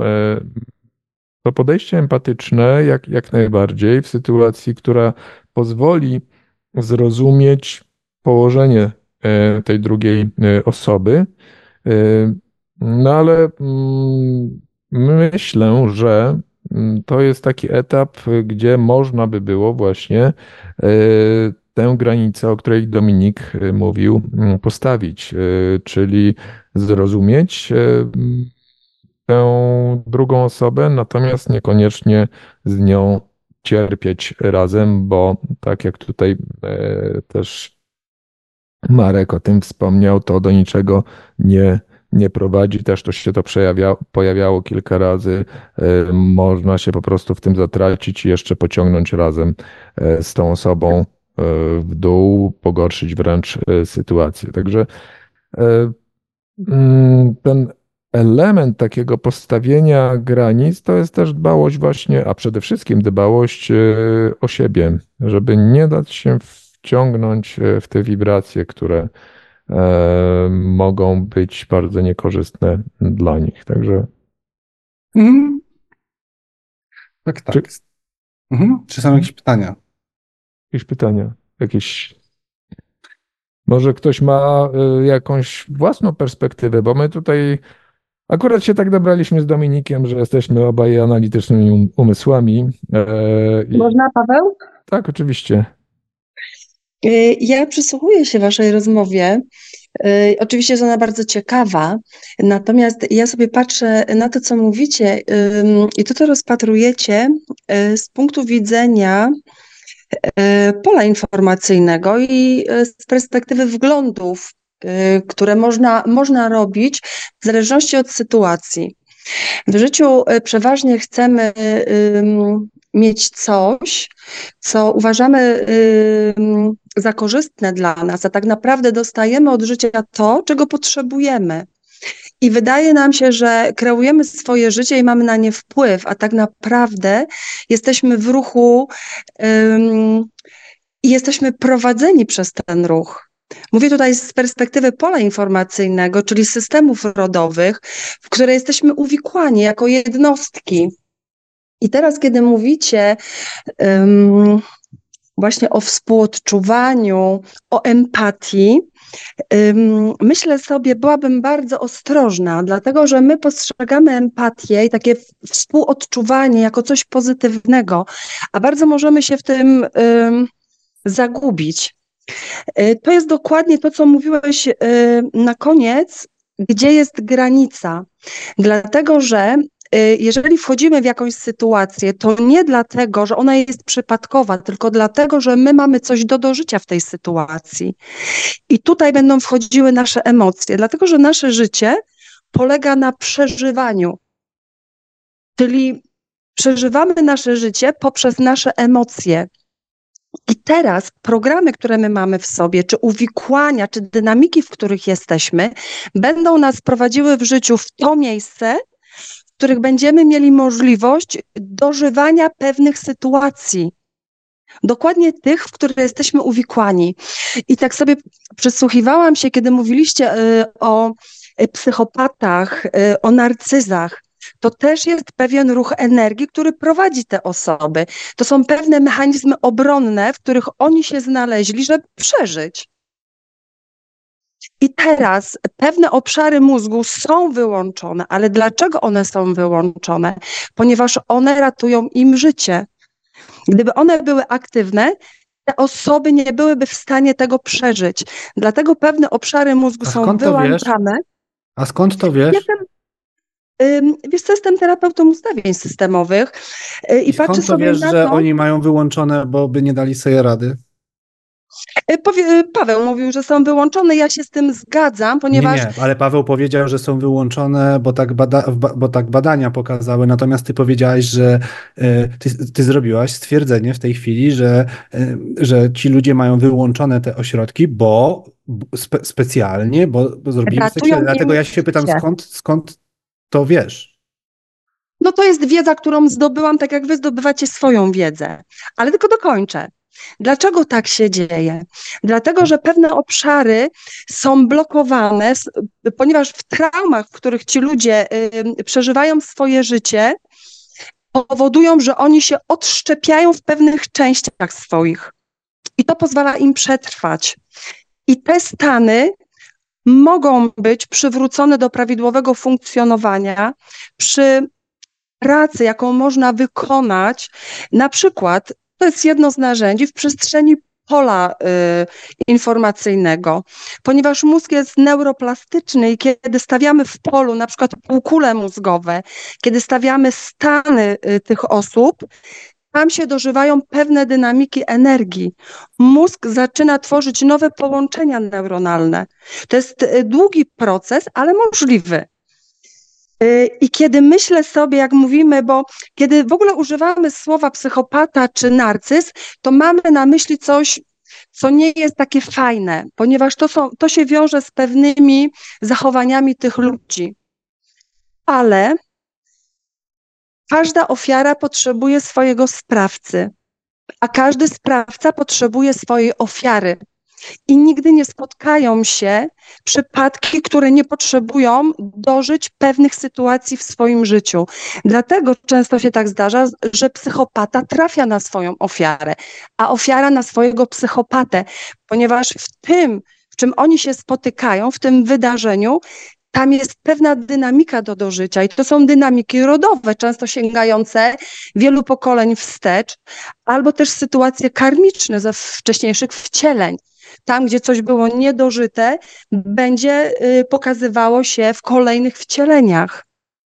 Natomiast co jest ważne, y, według mnie oczywiście, ważne jest to, żeby być uważnym na to, co się dzieje przy spotkaniu z inną osobą, ponieważ kiedy się z nią spotykam i jest jakieś wydarzenie albo jakieś emocje do dożycia, to nie ma tutaj przypadku. Ja mam to w, ja mam to w sobie i to się uaktywnia. To, co powiedziałeś y, poprzez y, neurony lustrzane, tutaj jest dużo prawdy, ponieważ przyciągamy się w programach, które mamy do dożycia.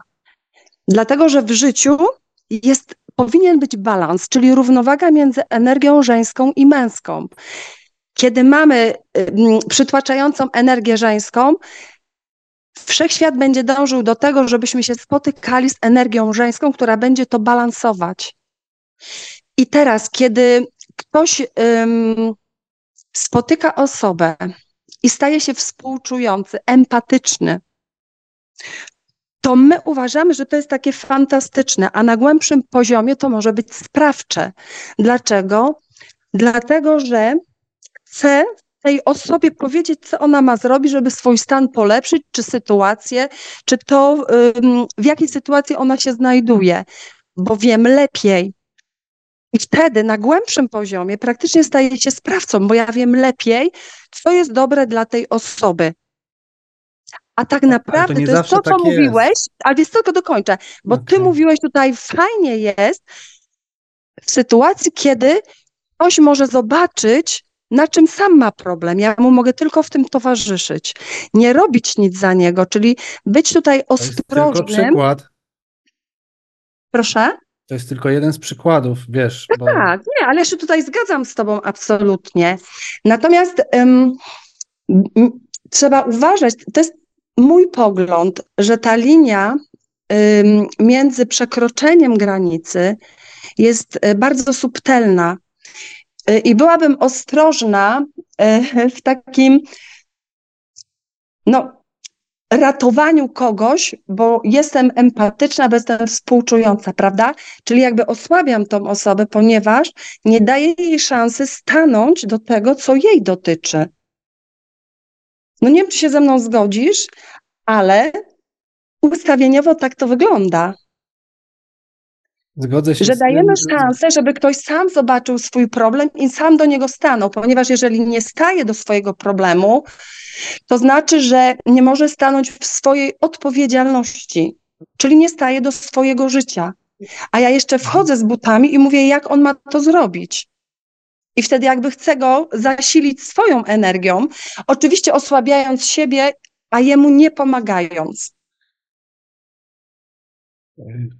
Okej, okay. znaczy mam poczucie, że z, z wieloma rzeczami się zgadzam, po prostu w paru miejscach tak jakby zrobiłaś w moim odczuciu pewną interpretację od razu, bo to nie znaczy, że jak ktoś, jak empata podchodzi do takiej drugiej osoby, to nie zawsze od razu musi mówić, co ma ta osoba robić.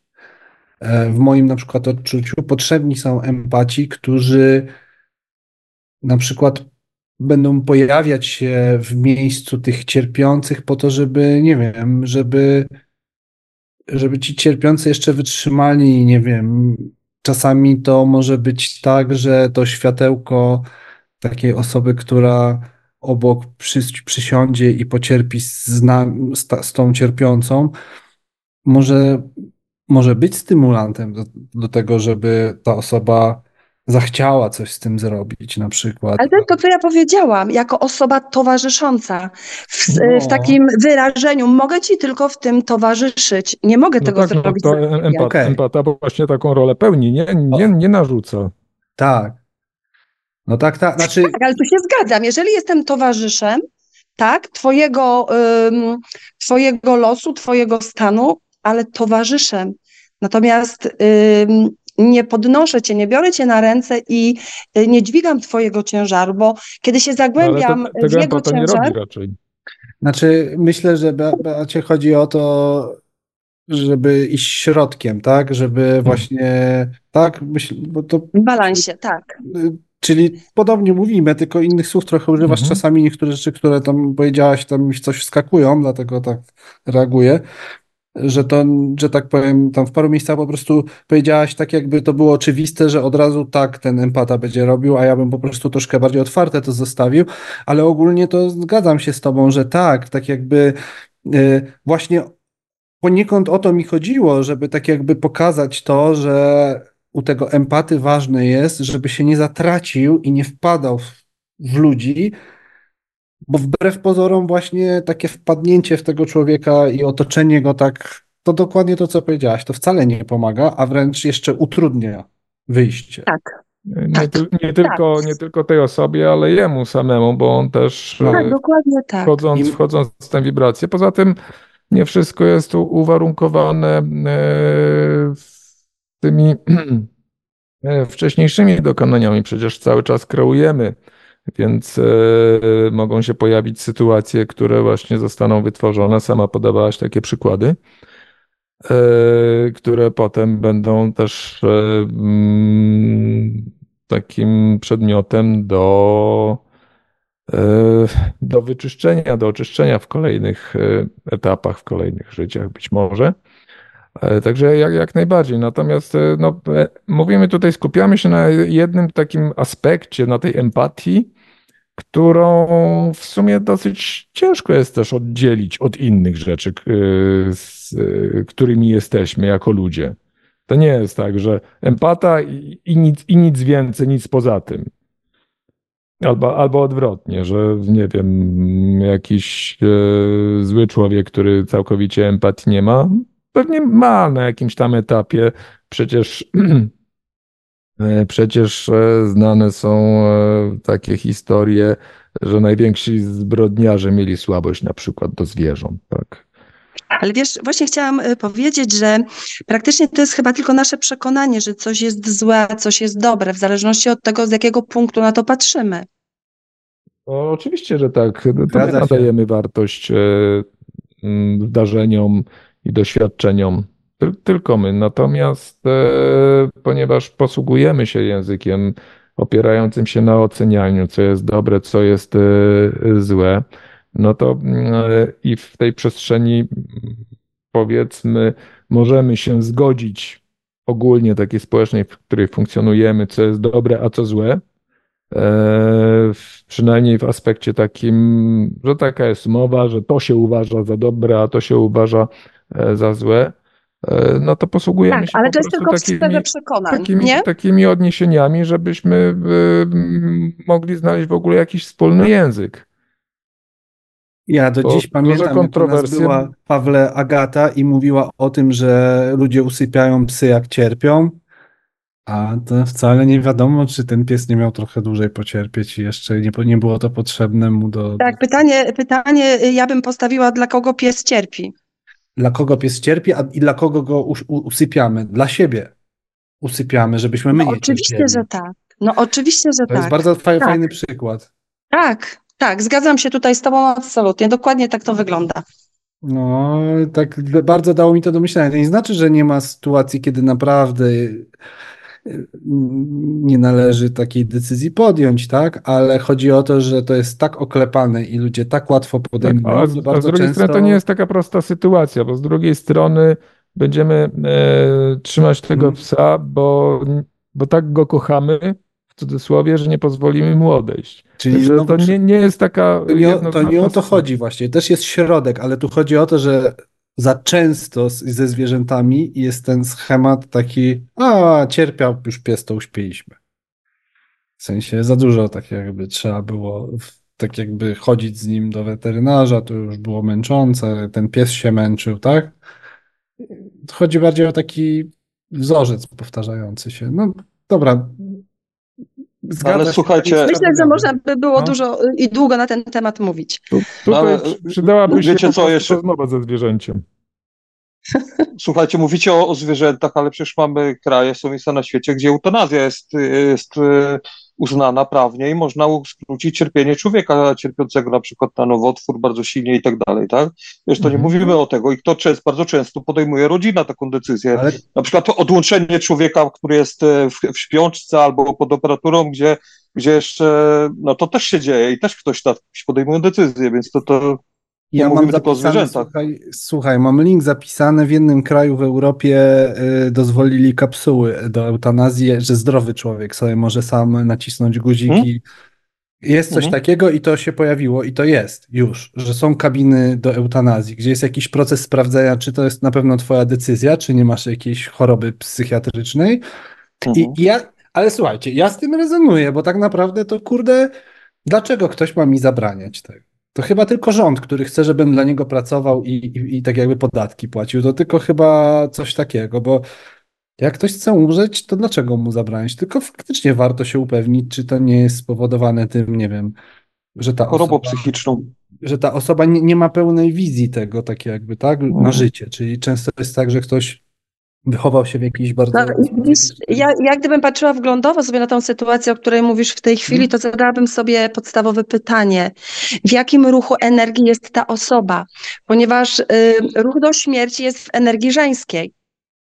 Czyli nie ma balansu. Tego, co ja mówiłam, w życiu potrzebny jest balans między energią żeńską i męską. Kiedy nie ma tego balansu, jesteś w pewnym ruchu energii. Tak? Jeżeli idziesz, jesteś w ruchu do śmierci, to jesteś przytłoczony energią żeńską, ponieważ śmierć jest w, ruch, w energii żeńskiej.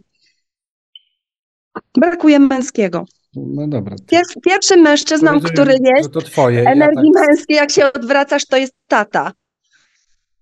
No, ja nie do końca z tym rezonuję, bo ja na przykład z rodzicami tak nie rezonuję. I, i co ty na to? Ja nie mam takich więzi i ewidentnie pasuje e, do tego, co w instytucie mieliśmy na spotkaniu profesjonalnej sekcji, że coraz więcej przychodzi dzieci bardzo świadomych, które nie mają takich więzi z rodzicami. Wiesz co, powiem ci, że ja odpowiedziałabym ci w ten sposób, że wolno ci tak mieć. To jest Nie, nie, twoja ale tu chodzi decyzja. o to, że to jest. In, ja sobie tego nie wybrałem, tylko ja mam po prostu zupełnie inny. Więc to nie chodzi o to, jaki masz stosunek z rodzicami na poziomie, na poziomie umysłu, Y, ale jaki masz, y, jakie masz połączenie z rodzicami na poziomie duszy. Ja, ja zawsze patrzę na ruch energii. Gdybym postawiła w polu ciebie, twoją mamę i twojego tatę, to ja patrzę tutaj, jaki jest ruch, a nie na to, co ty mówisz. Dlatego, Ale że ty przyjmujesz pewien koncept. To nie jest koncept. Koncept jest taki, że musi być ta więź i ona musi być super głęboka i Ona zawsze jest. Ona zawsze jest. zgadzam A się. im bardziej się jej wypieramy, tym bardziej ta więź nas łączy. No Ale tak to wygląda tym, Ale ja nie energetycznie. mówię o wypieraniu. Zazwyczaj jak się wypieramy, to zazwyczaj są przez jakieś emocje i faktycznie przez rzeczy do uleczenia. Ale ja nie o tym. Ja mówię o tym, że w instytucie mamy w tej profesjonalnej sekcji mieliśmy właśnie spotkanie i tam była osoba, która się zajmowała tymi tematami i było zupełnie czymś innym. O tym, że to nie za, tak jakby Chod- Chodzi mi o to, że trochę chciałem dolać perspektywy do tego, co ty mówisz, bo tak w tym, co ty mówisz, trochę za mocne jest dla mnie te więzi, tak jakby pookreślane z góry. E, no, są badania, tam ktoś tam prezentował badania właśnie w tej przestrzeni, o której mówię, w tej profesjonalnej dywizji, gdzie było na temat tego, że e, przy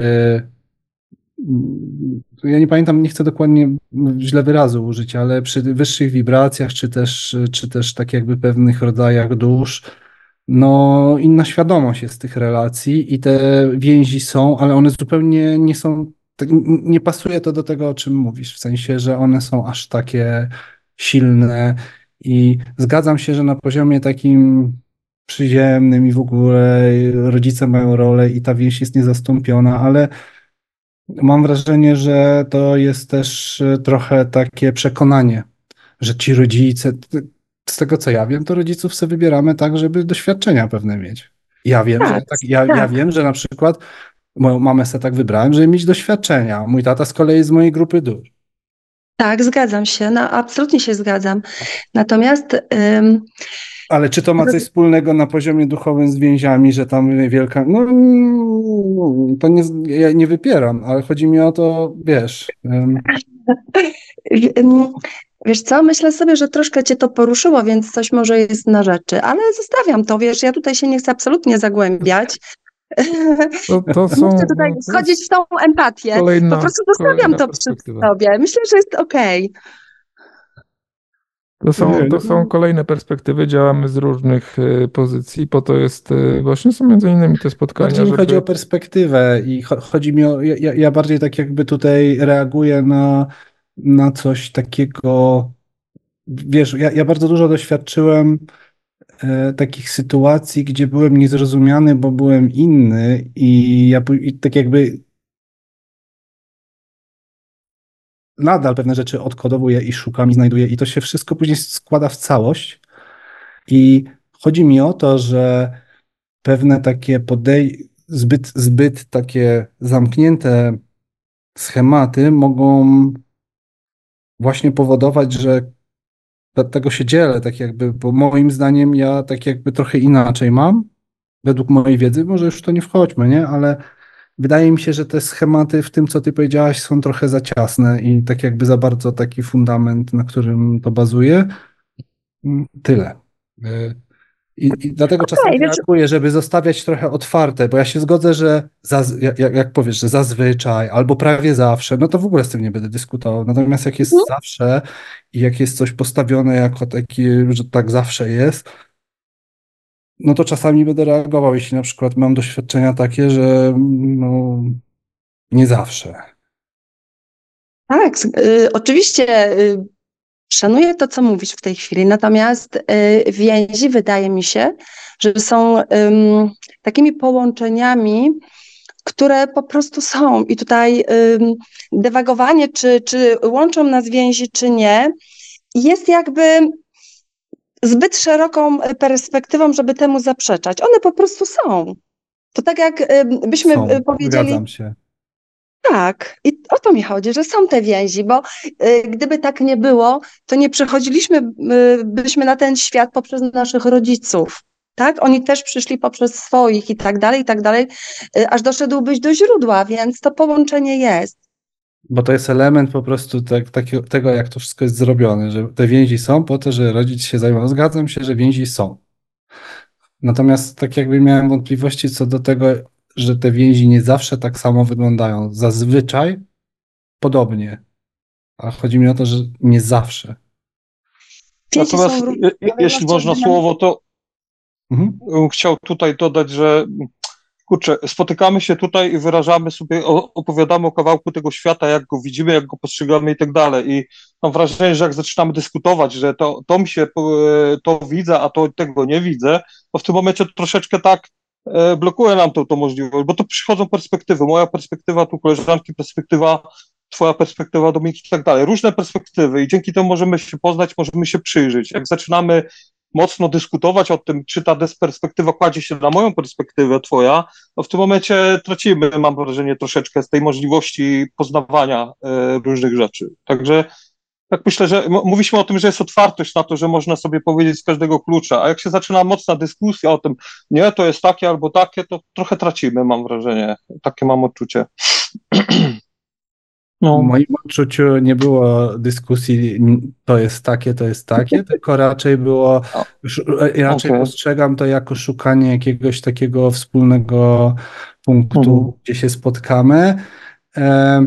I jeszcze jedno dodam, tak, jesteśmy w przestrzeni instytutowej i tak, na pewne rzeczy w pewien sposób gdzieś tam będziemy reagować Y, no ja reaguję głównie na te zamknięte sformułowania, tak? gdzie właśnie te sformułowania mogą mieć implikacje później, jeśli ktoś by przyjął coś takiego i wmontował w siebie, no to, to głównie na to reaguję, dlatego, bo tak jakby to jest część systemu wartości właśnie w instytucie, że żeby nie no, pojawiały się tu za bardzo tak. takie, takie, takie rzeczy, które ktoś później może, może się komuś wmontować jako przekonanie, nie? No to tylko o to mhm. chodzi.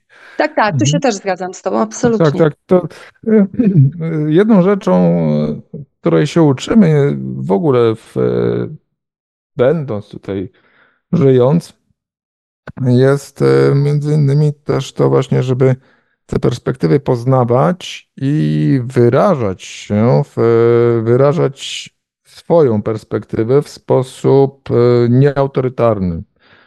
E, na mhm. zasadzie takiej, bo tak jest, tak? E, tylko, że tak jest na przykład dla mnie, co nie znaczy, że tak jest dla wszystkich. Tak. Nie, nie jestem na, tak wysoko na liście płac, żeby powiedzieć, że to funkcjonuje dokładnie w taki sposób, no bo, bo po prostu ja to stworzyłem, tak? Mhm.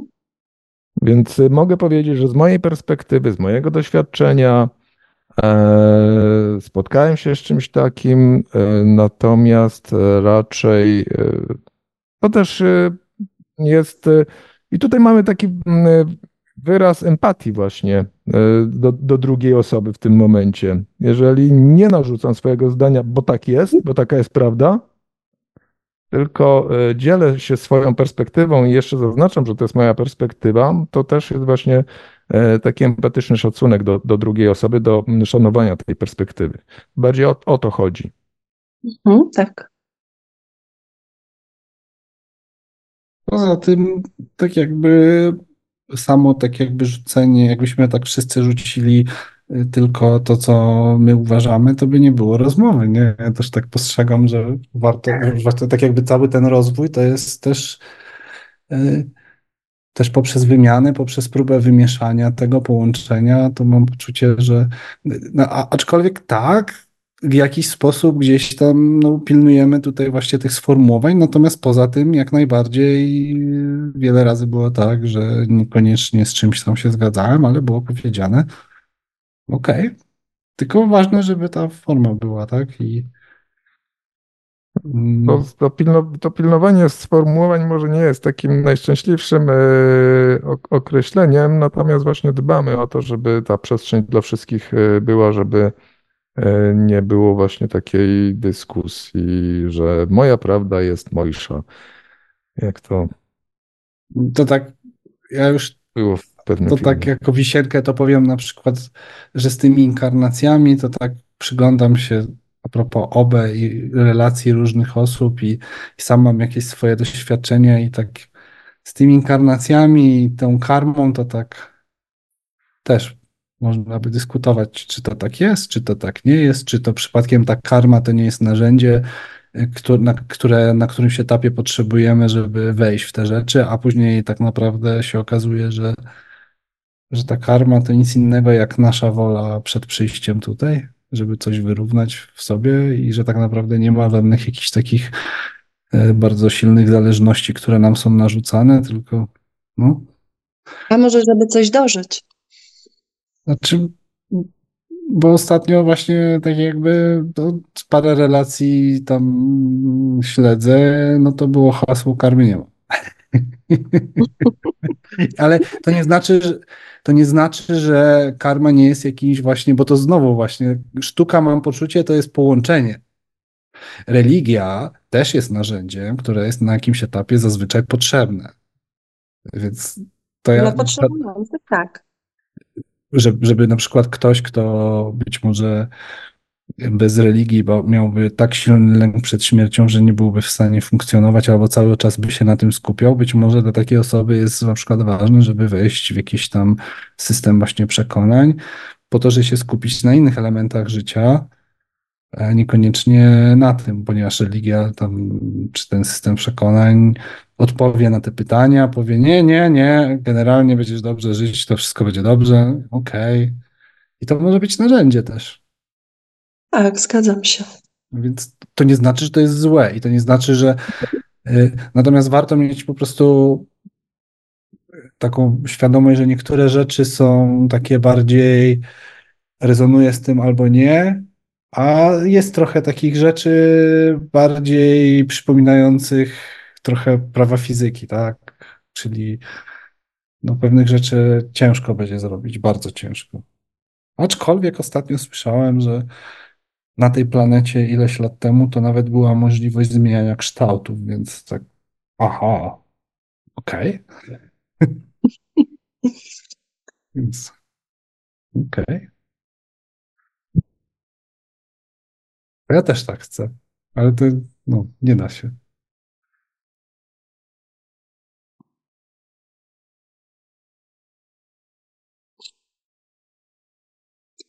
I nastała cisza.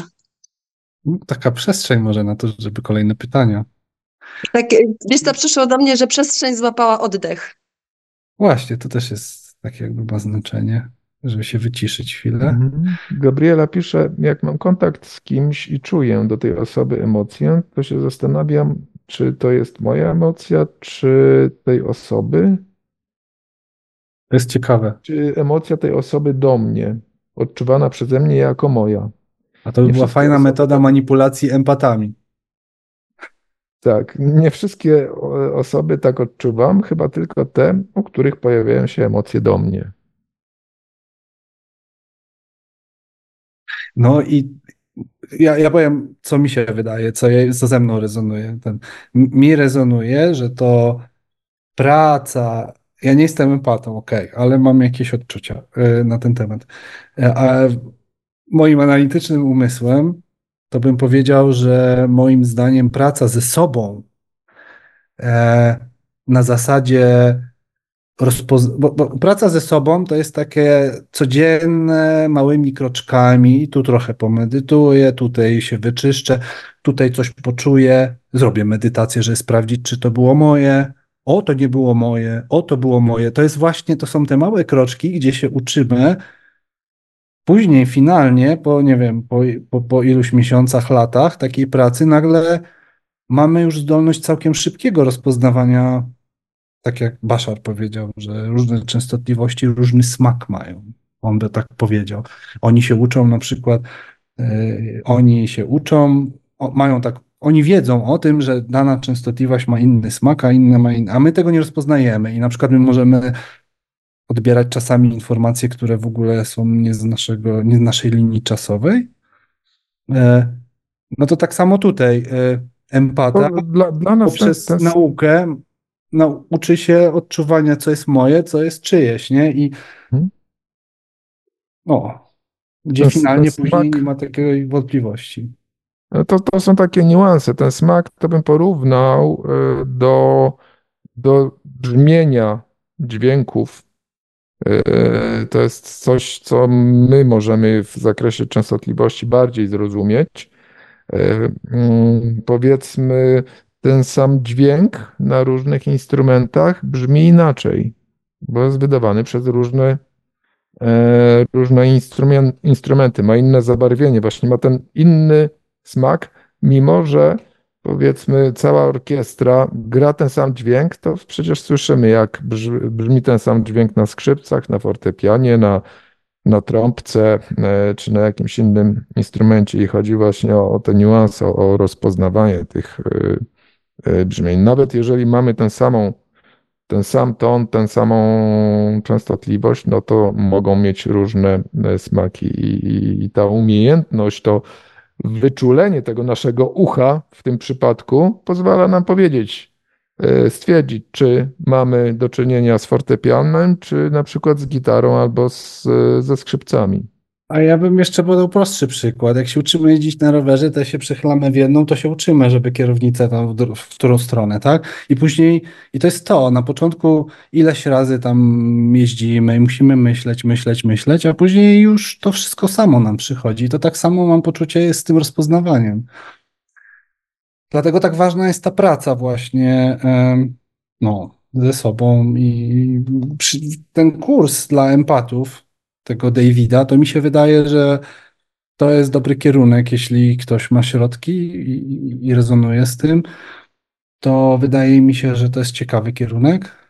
Tak jak go obserwowałem, no to no, to całkiem tak jakby mm, dobry system chyba wartości ma. Tak, tak, tak mi to rezonuje, bo to głównie to ma dla mnie największe znaczenie, jak, jak kogoś poznaję. Czy, nie, czy ta osoba nie narzuca, E, tylko się dzieli takim czystym esencją. Tak jak w instytucie, tak? E, macie narzędzia, tak jakby dzielimy się, ale nie musicie nic, nie? Wierzycie w Boga? Okej. Okay. To nic nie zmienia.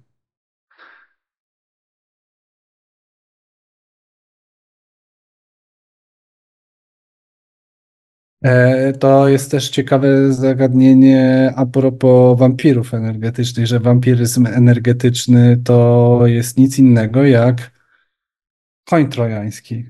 Ktoś nam wrzuca jakąś emocję i my sami ją przyjmujemy i tak naprawdę sami zaczynamy oddawać energię i to, to tak to działa. I znowu praca ze sobą pozwala nam się przed tym obronić świadomie. No, tak jakby nie, nie, nie zostaniemy w ten sposób zaatakowani, jak będziemy się samoświadomi. Ela? Widziałem, widziałem. Okej, okay. no bo wyzwałeś mnie już na samym początku od... A, to dopiero, a, to, to się odgrzewałaś? No, no dobra. E, ja mam taką, czemu cały czas ciebie widzę na ekranie? No bo ja jestem najważniejszy. No ja, ja nie mam jakichś takich.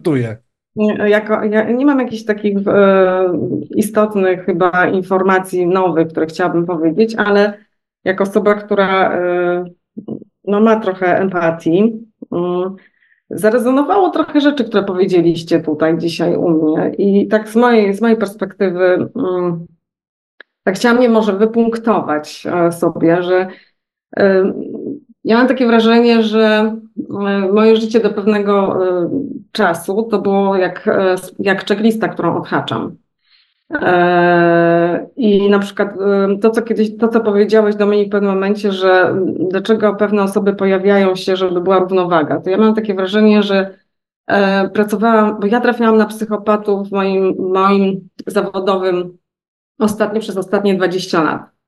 Cały, cały czas, nieważne jaka to było miejsce pracy, zawsze moim szefem e, bądź osobą, która była najbliżej ze mną, był psychopata bądź psychopatka. Ja bardzo długo nie mogłam zrozumieć, co to jest. E, e, no i w końcu później odkryłam, że, mm, że, że, że to jest właśnie to.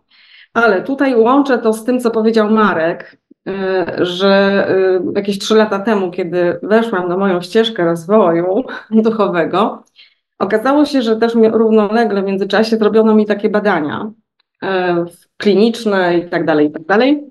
I tam jedno zdanie z tego badania, które zapamiętałam, to to, że ja nie umiem, znaczy nie mam umiejętności, czy nie umiem, czy nie mam predyspozycji, żeby zauważyć moment, kiedy coś zaczyna być dla mnie szkodliwe. Czyli to się łączy z tym, że nie umiałam postawić granic, tak?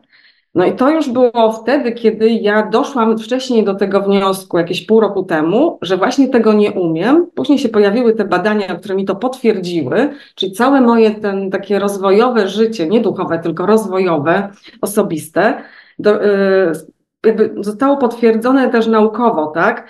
Bo ja połączyłam coś takiego, o czym Marek mówił, że bardzo to doświadczenie z dzieciństwa przełożyło się na to, że ja reagowałam z poziomu traumy na wiele rzeczy. Nie wiedziałam wtedy, że to jest dokładnie to. To mi się, że tak powiem, dopiero od, od roku jestem jakby w procesie no, w procesie rozwoju, ale to było związane z traumą, czyli ta nadwrażliwość była połączona z moim nie wiem, talentem czy, czy, czy cechą empatii. I to było takie kombo, tak? Że, y, że po prostu y, empatia plus nadwrażliwość, plus y, ten stan emocjonalny, plus stan przetrwania. I ja w tym wszystkim miałam po prostu tak ogromny miks, że teraz po prostu jak to za Twardowski mogę mówić, że rozwiązuję sznurowadła powoli i staram się teraz coraz mniej, bardziej ostrożnie, ostrożna jestem, żeby definiować pewne rzeczy, bo tak jak kiedyś definiowałam je, one jednak przy innych zmiennych okazywały się, że z czegoś innego wynikały. E, ja bardzo długo, to co z kolei powiedziała Beata, bardzo długo mm, e, jakby odrzucałam, wypierałam, nie, nie dopuszczałam do siebie tego, tego, z czym się bierze trauma rodowa w moim wypadku. I to też w jakiś sposób gdzieś tam się przełożyło, połączyło się z, tym, z, tymi, z, tym, z tą empatycznością, nadwrażliwością, ale z kolei bardzo rezonuje ze mną to, co mówi Dominik o, o tym, że czytając książki Newtona, e, ja odkryłam tam wiele takich rzeczy, które widziałam u siebie. To znaczy, ta inność to jest ok, ale tam też Newton podkreślał, że są osoby, które przychodzą na ten świat, które nie będą mieć więzi takich e, tradycyjnych w zrozumieniu naszym takim definicji tradycyjnych z rodzicami. I ja całe życie tak miałam od dziecka, że miałam wrażenie, że ja jestem po prostu w jakimś takim sztucznym środowisku, w którym muszę być, żeby przeżyć pewne rzeczy. Już jako dziecko miałam taką świadomość, tak? Tak jak miałam świadomość, że religia to jest teatr. I dopiero w ósmej klasie szkoły podstawowej zrozumiałam, że to nie jest teatr. Ale e, ta, to, to sztuczne środowisko e, dla dla mnie było od, od, od zawsze tak to postrzegałam. I wiecie, ta, ten, ten miks, to kombo tego, tych wszystkich doświadczeń, dopiero teraz zaczynam chwytać. I ja mam e, podobnie, widzę e, rodziców jak, e, jak Dominik, ale też rozumiem, co chce powiedzieć Beata, bo te traumy gdzieś, które na przykład rodowo się u mnie ciągną, mam potwierdzone przez, przez, przez rozmowę ostatnio z moją mamą, która przy okazji choroby na Alzheimera nagle przypomina sobie pewne rzeczy, których wcześniej na przykład nie pamiętała. I jakby nowe rzeczy zaczynamy odkrywać, więc, więc tak, mam odczucie, to co, to co Dominik e, chciałeś powiedzieć, absolutnie myślę, że ja to jako osoba współodczuwająca, ale nie tylko, mam dokładnie to samo, natomiast faktycznie doświadczamy przez te więzi, tak, tylko że na przykład yy, yy, ja nie do końca umiem używać tych wszystkich słów, które wy używacie, bo każdy z was ma jakieś inne doświadczenia i ten język jest po prostu bardzo ubogi. Ja sama jak dochodzę do pewnych, e, do pewnych doświadczeń, konstruuję sobie pewne wyobrażenia, definiuję je tak, jak ja je odczytuję, no więc czasami też e, proszę o korektę, nie? My się tu mocno spieramy niekiedy z Dominikiem, jak, jak definiujemy pewne słowa, ale to dla mnie też jest jakaś taka, e, taka nowość.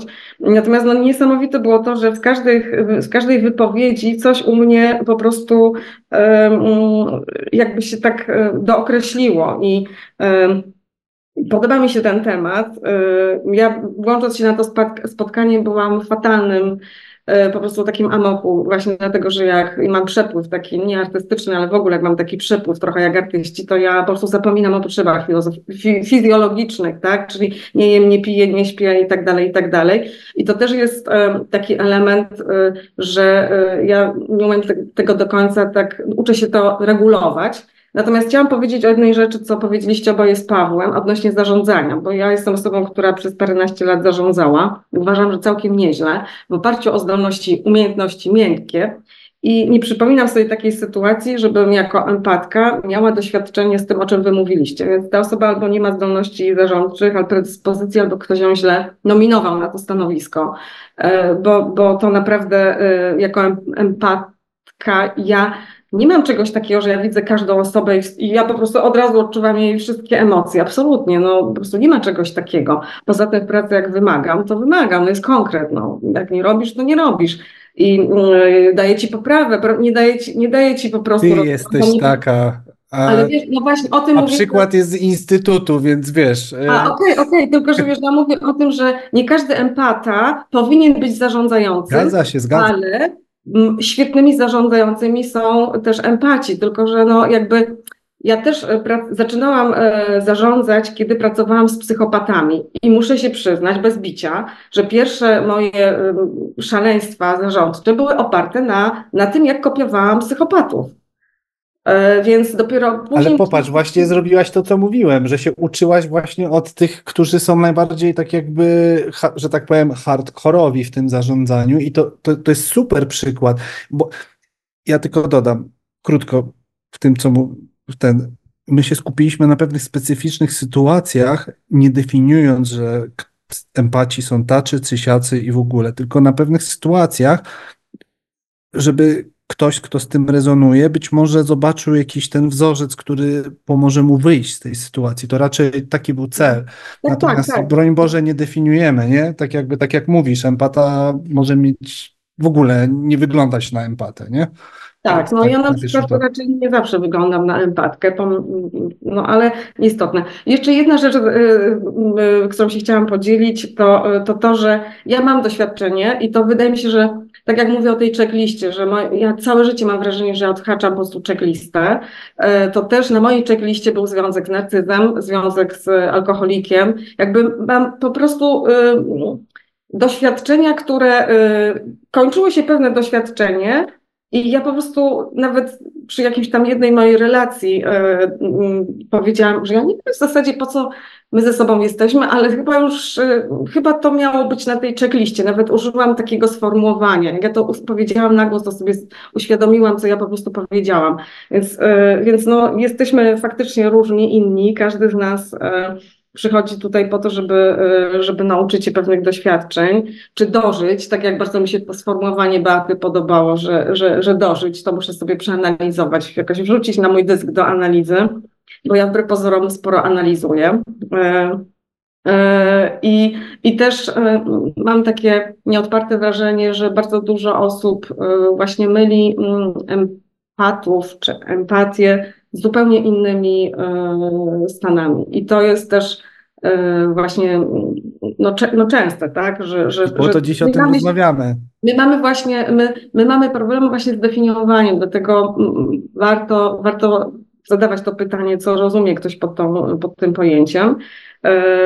A i jeszcze uciekła mi myśl, że właśnie łącząc się na to spotkanie, byłam właśnie w tym przepływie takim, takim że myślę sobie, nie, chyba nic nie będę e, rozumiała, ale temat mnie tak, tak chwycił, że, że, że, że nawet jakoś to, to bardzo fajnie i jeszcze akurat padły takie, takie rozmowy, które gdzieś tam e, z mojej strony mogę potwierdzić, czy też e, potwierdzić, że jeszcze, a, a mówiłeś coś o agresji, jest jeszcze coś takiego jak autoagresja. Empaci też mogą sobie zrobić autoagresję świetną, stąd choroby autoimmunologiczne i różne inne takie.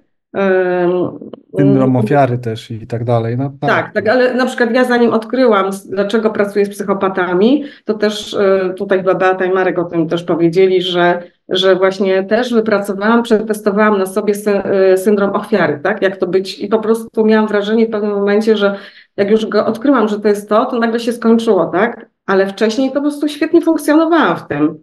Teraz, y, y, teraz, teraz to po prostu, że ja mam wrażenie, że musiałam po prostu to przeżyć, ale podoba mi się to, że, że może psychopaci dla równowagi pracowali ze mną. No, no, ja się śmiałam, że ja ocieplam, y, że moi szefowie ocieplali sobie mną wizerunek, tak, i tak dalej, i tak dalej. I rzeczywiście pozwalałam w pracy na to, żeby mnie wykorzystywano w sensie takim, no właśnie jak to potrafią psychopaci wykorzystywać. I to jest. Na tamtą chwilę pewnie ci to nawet sprawiało przyjemność, że jesteś potrzebna i tak dalej, ale to tak Właśnie działa. Tego, tego nie miałam. Tego, nie? czegoś takiego nie, nie, nie miałam. Aha. I tutaj w moim wypadku to akurat y, nie, nie do końca tak jest. Jakby bardziej. Y, bardziej trochę, Potrzebna się czułaś? Y, myślę, że to wynikało z z udowodnienia tak, że, że ja, no, no ale to już taki bardzo osobisty okay. temat, nie, chyba nie chciałabym w to wchodzić. Natomiast, e, natomiast jak wiecie, jak uświadomiłam sobie te, e, co, co, to, co tu się zadziało, to nagle się okazało, że ja podjęłam decyzję, że odchodzę z tej pracy, ale e, no, Potem miesiąc później, czy dwa miesiące później rzeczywiście odeszłam i to było na różnych tam jakichś warunkach, więc to, to, to jest niesamowite, jak to się rozwiązuje. Natomiast, no nie wiem, chyba już tutaj wszystko, co, co miałam dopowiedzieć, to dopowiedziałam. Nie wiem, jeżeli ktoś coś... Może tak. Super, że się podzieliłaś, dzięki, bo fajne rzeczy powiedziałaś i nawet, nawet, nie wiem, dla mnie to ciekawe jest, co powiedziałaś i e, to, to jest tak, że często dzielimy się, ale fajnie jest słyszeć, że do kogoś to trafia, więc dzięki, w sensie, że coś rezonuje.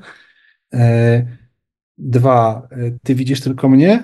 Nie Tak. widzisz na przykład, że, Be, że Beata jest i zaraz Widzę może Beatę, ale wszyscy, wszyscy są tacy malutki. Jesteś A tak. masz ten, ten, czyli ten widok masz tego mówiącego zrobiony, to No, możesz sobie po prawej cały- na, na górze i na galerię kliknąć i wtedy Tak, ale tacy ale, ale on się nie zmienia, aha, bo no, nikt inny nie mówi oprócz nas, tak? To dlatego. Nie, nie, na galerii widać wszystkich, którzy mają włączoną... e, Tak, ale u góry ich widzę, tak.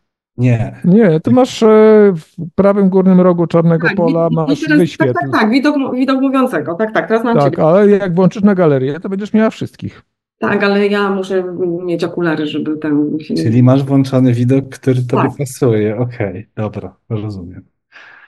E, No więc dzięki w ogóle, że się podzieliłaś, to, to znaczy, bo to jak mówiłaś, to mi też rezonowało z kolei, że ja moją mamę sobie tak wybrałem, moja mama ma opanowaną miłość bezwarunkową, a z perspektywy, ja już o tym mówiłem, a z perspektywy czasu w tej chwili, to ja mam, ja tu z moją mamą o tym rozmawiałem, jej powiedziałem, mówię, słuchaj, ale ja cię próbowałem zniszczyć, przez całą młodość próbowałem cię zniszczyć, zrobić coś takiego, żeby cię z, tak jakby zapanować nad tobą i w ogóle, a ty ciągle i w ogóle się nie przejmowałaś i mówię, bo masz tą miłość bezwarunkową opanowaną. Moja mama, tak.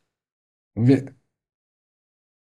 no i do, do, doświadczałem, no, to była, no, no. No ja już nie będę przytaczał przykładów, ale naprawdę bardzo wyszukane miałem metody, żeby próbo, próbo, próbowałem jej autorytet jakoś podważać, coś, to, tamto, różne historie takie były. Ona była jaka była, ale miłość bezwarunkową ma opanowaną i po prostu, no, no i już. I to się nie zmieniło i faktycznie tego doświadczyłem, a po to tu przyszedłem, tak? I to tak samo mi rezonuje z tymi, tak jakby z doświadczeniami twoimi z pracy, nie? Yy, że przeciwieństwo, no bo ja z kolei jestem analityczny umysł, ale gdybym nie miał takich doświadczeń z dzieciństwa, z młodości, pewnie zupełnie inaczej wszystko wyglądało. No jeszcze jedna rzecz mi się przypomniała, to co mówił Marek, że y, o tych, y, o tych traumach, nie? Że, że i tej nadwrażliwości, że to rzeczywiście no, to się wytwarza, żeby po prostu się, y, żeby dziecko mogło przeżyć, tak? Więc, więc tylko właśnie tutaj wchodzimy już w te zagadnienia psychologiczne, których no ja się nie chcę wypowiadać, bo nie jestem y, specjalistką. E, ale mówię o swoim doświadczeniu, że ja miałam takie, takie kombo tych różnych, y, różnych doświadczeń i I nie do końca muszę powiedzieć, że gdzieś mi to e, wychodziło u specjalistów, że tak naprawdę to sama do pewnych rzeczy doszłam i mm, słuchając innych osób, czy sprawdzając na sobie, bo ja generalnie wszystko sprawdzam zawsze na sobie i, i, i, i mm, i nie wierzę jakoś ślepo, y, interesuję się, natomiast no, to jest y, mocno skomplikowany ten temat z tą empatią, bo ona tak zahacza o wiele, y, o wiele przestrzeni, tak? No, nie jest naszą ambicją tutaj e, prowadzenie jakichś dyskusji psychologicznych. My tutaj wybieramy jakieś takie tematy e, i tą empatię też tutaj troszeczkę chcieliśmy mm, odczarować i zidentyfikować ją w ogóle, czym, e, czym ona jest. I wesprzeć empatów też, tak jak Też we- wesprzeć, pokazać może, jak, jak ją z, zidentyfikować i co sobie, e, jak e, nią może zarządzić, może jakieś e, inspiracje z tego spotkania będą właśnie, no, liczę na to, że ta właśnie, ta, ta złota zasada zachowania równowagi, to we wszystkim, nie tylko w tym stawianiu granic, gdzie kończy się ta empatia, jest rzeczą, o której warto zawsze mówić. Także w, jak, myślę, że jak, jak najbardziej. Mm, narzędziem, które z jednej strony pozwoli mm, osobom, które uważają, że no, są za mało empatyczne, a chciałyby więcej, no to tutaj pod, pod, podpowiedzieliśmy, co można zrobić. Medytację wdzięczności, medytację miłości. Zresztą nawet ta medytacja wdzięczności dzisiaj e, była na wstępie i tam padło e, na wstępie właśnie o tym, że pozwala rozwinąć e, empatię. Z drugiej strony, tak jak Dominik sugerował, w medytacji można mm, zidentyfikować, czy już doszliśmy do granicy, czy to nam służy, czy nie służy sytuacja, w której tak empatycznie uczestniczymy. Więc e, jak najbardziej te narzędzia, które mm, Instytut Monroe'a oferuje i które są nam dostępne, mm, mogą służyć e, w rozwijaniu zarówno empatii, jak i rozwijaniu umiejętności zarządzania tą empatią.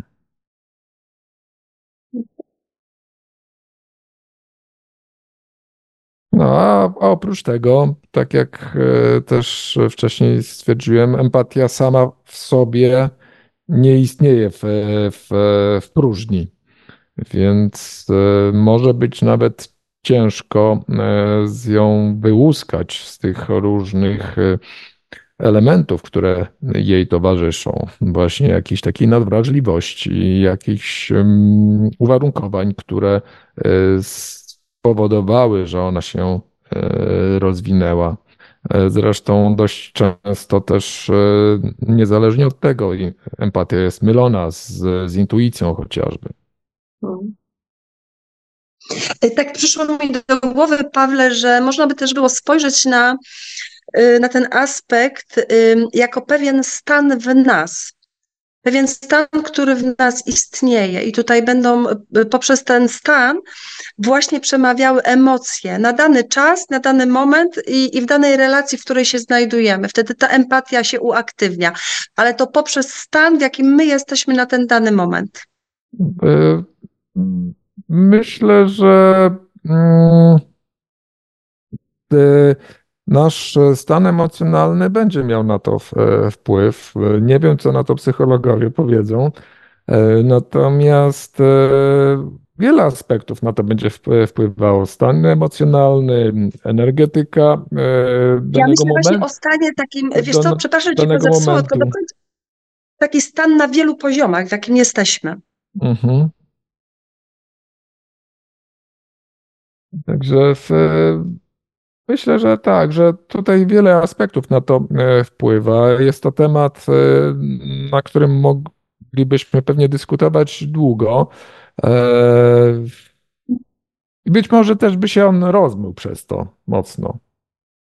A ja jeszcze mam taką jedną uwagę, bo wróciło do mnie słowo współodczuwanie, które ja dość mocno lubię i Pojawiło mi się też takie e, w tym momencie takie, taka, tak, tak, przypomniała mi się taka historia, że mm, ja nie jestem jakoś bardzo rozdającą się e, na lewo i na prawo e, empatką, natomiast często jakby ten mój współ, tam współodczu, umiejętność współodczuwania, mam wrażenie, że niekiedy mm, pomaga mm, niektórym osobom, moim bliskim, tam znajomym, ponieważ ja mogę im podpowiedzieć pewne może nie jak mają się zachować, ale podpowiedzieć stany emocjonalne osób, które oni nie do końca rozumieją, tak? I to na przykład, no, y, już funkcjonuje tam u moich znajomych taka ksywka, że telefon, telefon w kuchni Wally, bo zawsze to na, na, ten, na, ten, na ten dzwoni taki stacjonarny telefon do mnie. I mm, to nie jest na tej zasadzie, że, że ja się rozdaję, czy to mnie wyczerpuje, natomiast niekiedy y, niekiedy to po prostu innym pomaga, nie? I daje mi też satysfakcję. Daje że inspirację na przykład. Tak, że... Żeby że... spojrzeć na to. I to robił ten empata trochę. Tak, tak jakby. Dla, mnie to jest, dla mnie to jest neutralne wtedy. Ja jakoś nie, nie, nie, nie jest to dla mnie e, ob, ob, obciążające i tak dalej. Ja po prostu jakby próbuję, próbuję mhm. neutralnie, mhm. aczkolwiek muszę przyznać, że część osób niekiedy, jak ja reaguję z takiej swojej strony, to różnie to odbiera. No, więc Wiesz, no, no, ja od razu o, o czym mówisz, słyszę w swojej takie... głowie challenge accepted. Zaraz zadzwonię po spotkaniu. Y, to, to, o czym mówisz, to takie bardzo, myślę, konstruktywne i praktyczne wykorzystanie właśnie empatii, y, że mm, ty odczuwając, y, czy czując, czy współodczuwając tę drugą osobę, masz inną perspektywę, więc możesz dać jakąś inspirację, jakąś wskazówkę nawet, takiej osoby z innej perspektywy, kiedy ta osoba jest na przykład jakoś zapętlona w swoich e, przekonaniach i nie widzi pewnych rozwiązań, ty będąc, e, czuwając się w, w, czy rozumiejąc tę osobę w danym momencie, ale mając inną perspektywę, może znaleźć jakieś e, rozwiązanie, które będzie wyjściem z sytuacji na przykład. Ale wiesz, ja jeszcze mówię o czymś innym, że ja, mnie się zdarza też czasami no, jakby tłumaczyć w takim trójkącie kolej, jakby drugiej osobie tą, tą osobę. I to, to, jest, e, to jest niekiedy, zwłaszcza e, panom tłumaczę na przykład dziewczyn, ale zachowania kobiet, ale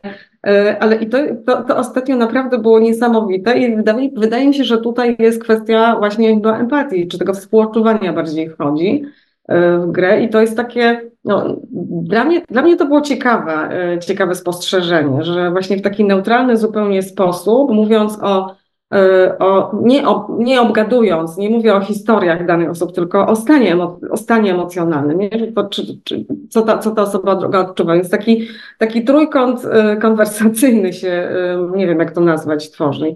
Też mi się wydaje, że to, że to jest empatia wtedy.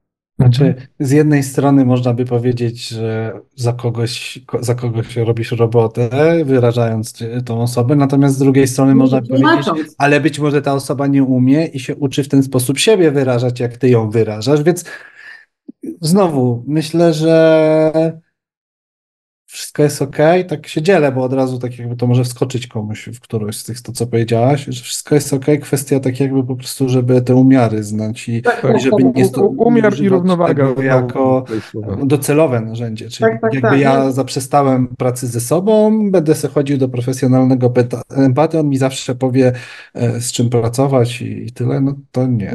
Nie, nie, to jest absolutnie tutaj, tutaj ja widzę duże niebezpieczeństwa. Że to, no, to nie żeby polecać. Fajne masz doświadczenia. Tylko, tylko po prostu y, no, ja jakby doświadczam na sobie, tak uczę się na sobie. Natomiast absolutnie nikomu tego nie polecała, bo to jest ogromna odpowiedzialność, tak? No, też na dodatek. No i nie zawsze chyba przyjemnie jest, jak tak, wiesz, te emocje czujesz, nie? Nie wiem. To, to, to, to, nie jest tak. Mnie się tylko kilka razy zdarzyło, że fizycznie zaczęłam czuć emocje. No właśnie. To nie jest fajne. Bo ja widziałem na ustawieniach raz y, po prostu coś takiego widziałem. Obok mnie dziewczyna się zwija na podłodze, płacze i w ogóle i ja tak normalnie patrzę się, mówię, kurde, to się dzieje, a jeszcze ją kojarzyłem tam gdzieś z rozmów ten i tak ale ja nie wiem, czy to... Że tak można w ogóle, że i ona naprawdę, a ona po prostu poczuła, została wbita w jakiś tam ten i pamiętam, że minę musiałem mieć dobrą, bo po prostu tak... Ale nie wiem, czy, nie wiem, czy to jest empatia, czy to nie jest coś innego. To jest innego, znaczy to myślę, że to jest powiązane, tak jakby bardziej chodzi, w tym momencie mam na myśli, że w ogóle nasza zdolność podłączenia się, bo to też jest poniekąd dla mnie powiązane z empatią, tak? Tylko teraz raz się możesz świadomie podłączyć tak mocno, innym razem e, poprzez jakieś programy.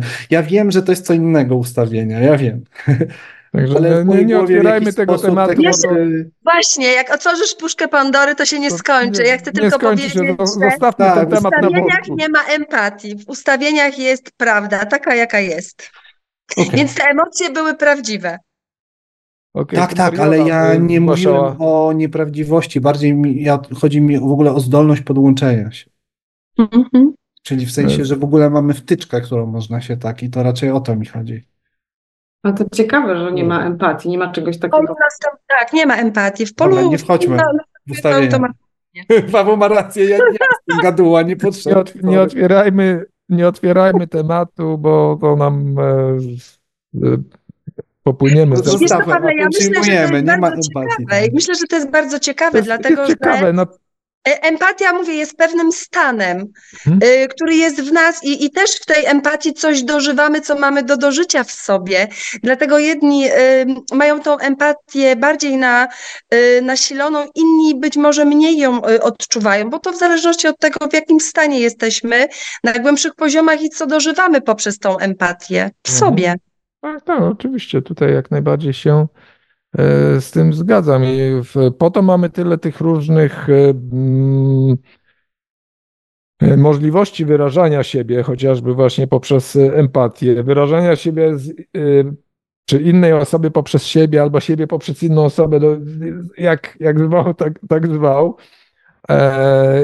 A to jest tylko jeden z wielu, jedno z wielu narzędzi, które mamy. Tak, tak. Więc e, skupiliśmy się dzisiaj na tej empatii po to, żeby, no właśnie, tak jak już wcześniej padło, żeby ją zidentyfikować, czym jest, być może dać jakieś wskazówki, być może dać jakieś inspiracje. Tu Mariola miała pytanie jakieś, podnosiła rękę. Czy Mariola chcesz jeszcze coś powiedzieć? Za, że dzisiaj mogę uczestniczyć tutaj, przysłuchiwać się Państwu. Mm, mam trzy córki w wieku szkolno-przedszkolnym i często właśnie doświadczałam tego, że jak szłam jakby do szkoły, odbierać dzieci i tak dalej, e, często miałam dwie takie sytuacje, gdzie chłopaki e, wracając ze szkoły jakieś mieli krytyczne, kryczy, krytyczne y, jakieś sytuacje z rodzeństwem albo coś się zadziało w szkole takiego, że ten taki chłopaczek z tam, nie wiem, trzecia, czwarta klasa stoi i płacze tak przy, przy biegu ulic na skrzyżowaniu. No, tak, i akurat nikogo nie ma dorosłego. Ja podchodzę, gdzie często widzę i reaguję, tak? I to dziecko, i się pytam, co się stało? Mogę cię przytulić? Tak. I nie znam dziecka w ogóle, tak, ale widzę, że ma takie emocje, a ja je po prostu widzę, że z daleka coś się dzieje. I tak zapytałam, co się dzieje, on mi odpowiedział, opowiedział tą sytuację. I się pytam, czy są rodzice w domu, bo widzę, że idzie do domu. E, no, mówi, że nie ma nikogo, ale że mama niedługo wraca. No i zawsze pytam o tą mamę, czy jest w domu, czy nie. I ten opowiedział mi, zeszły emocje i spokojnie mówię, chcesz iść do domu, czy mam zadzwonić do kogoś, czy, czy ten, czy, czy, czy, czy jesteś w stanie już iść, tak? Już, czy, czy w porządku tak, już mogę iść. Widziałam po dziecku, nie? Ja mam córki, chłopaki, nie wiem jak się... To, to jest dla mnie trudne do uchwycenia z małymi chłopak, z małymi chłopakami, tak? Czy oni tak samo mają wrażliwość jak dziewczynki? Trudno mi to, trudno mi to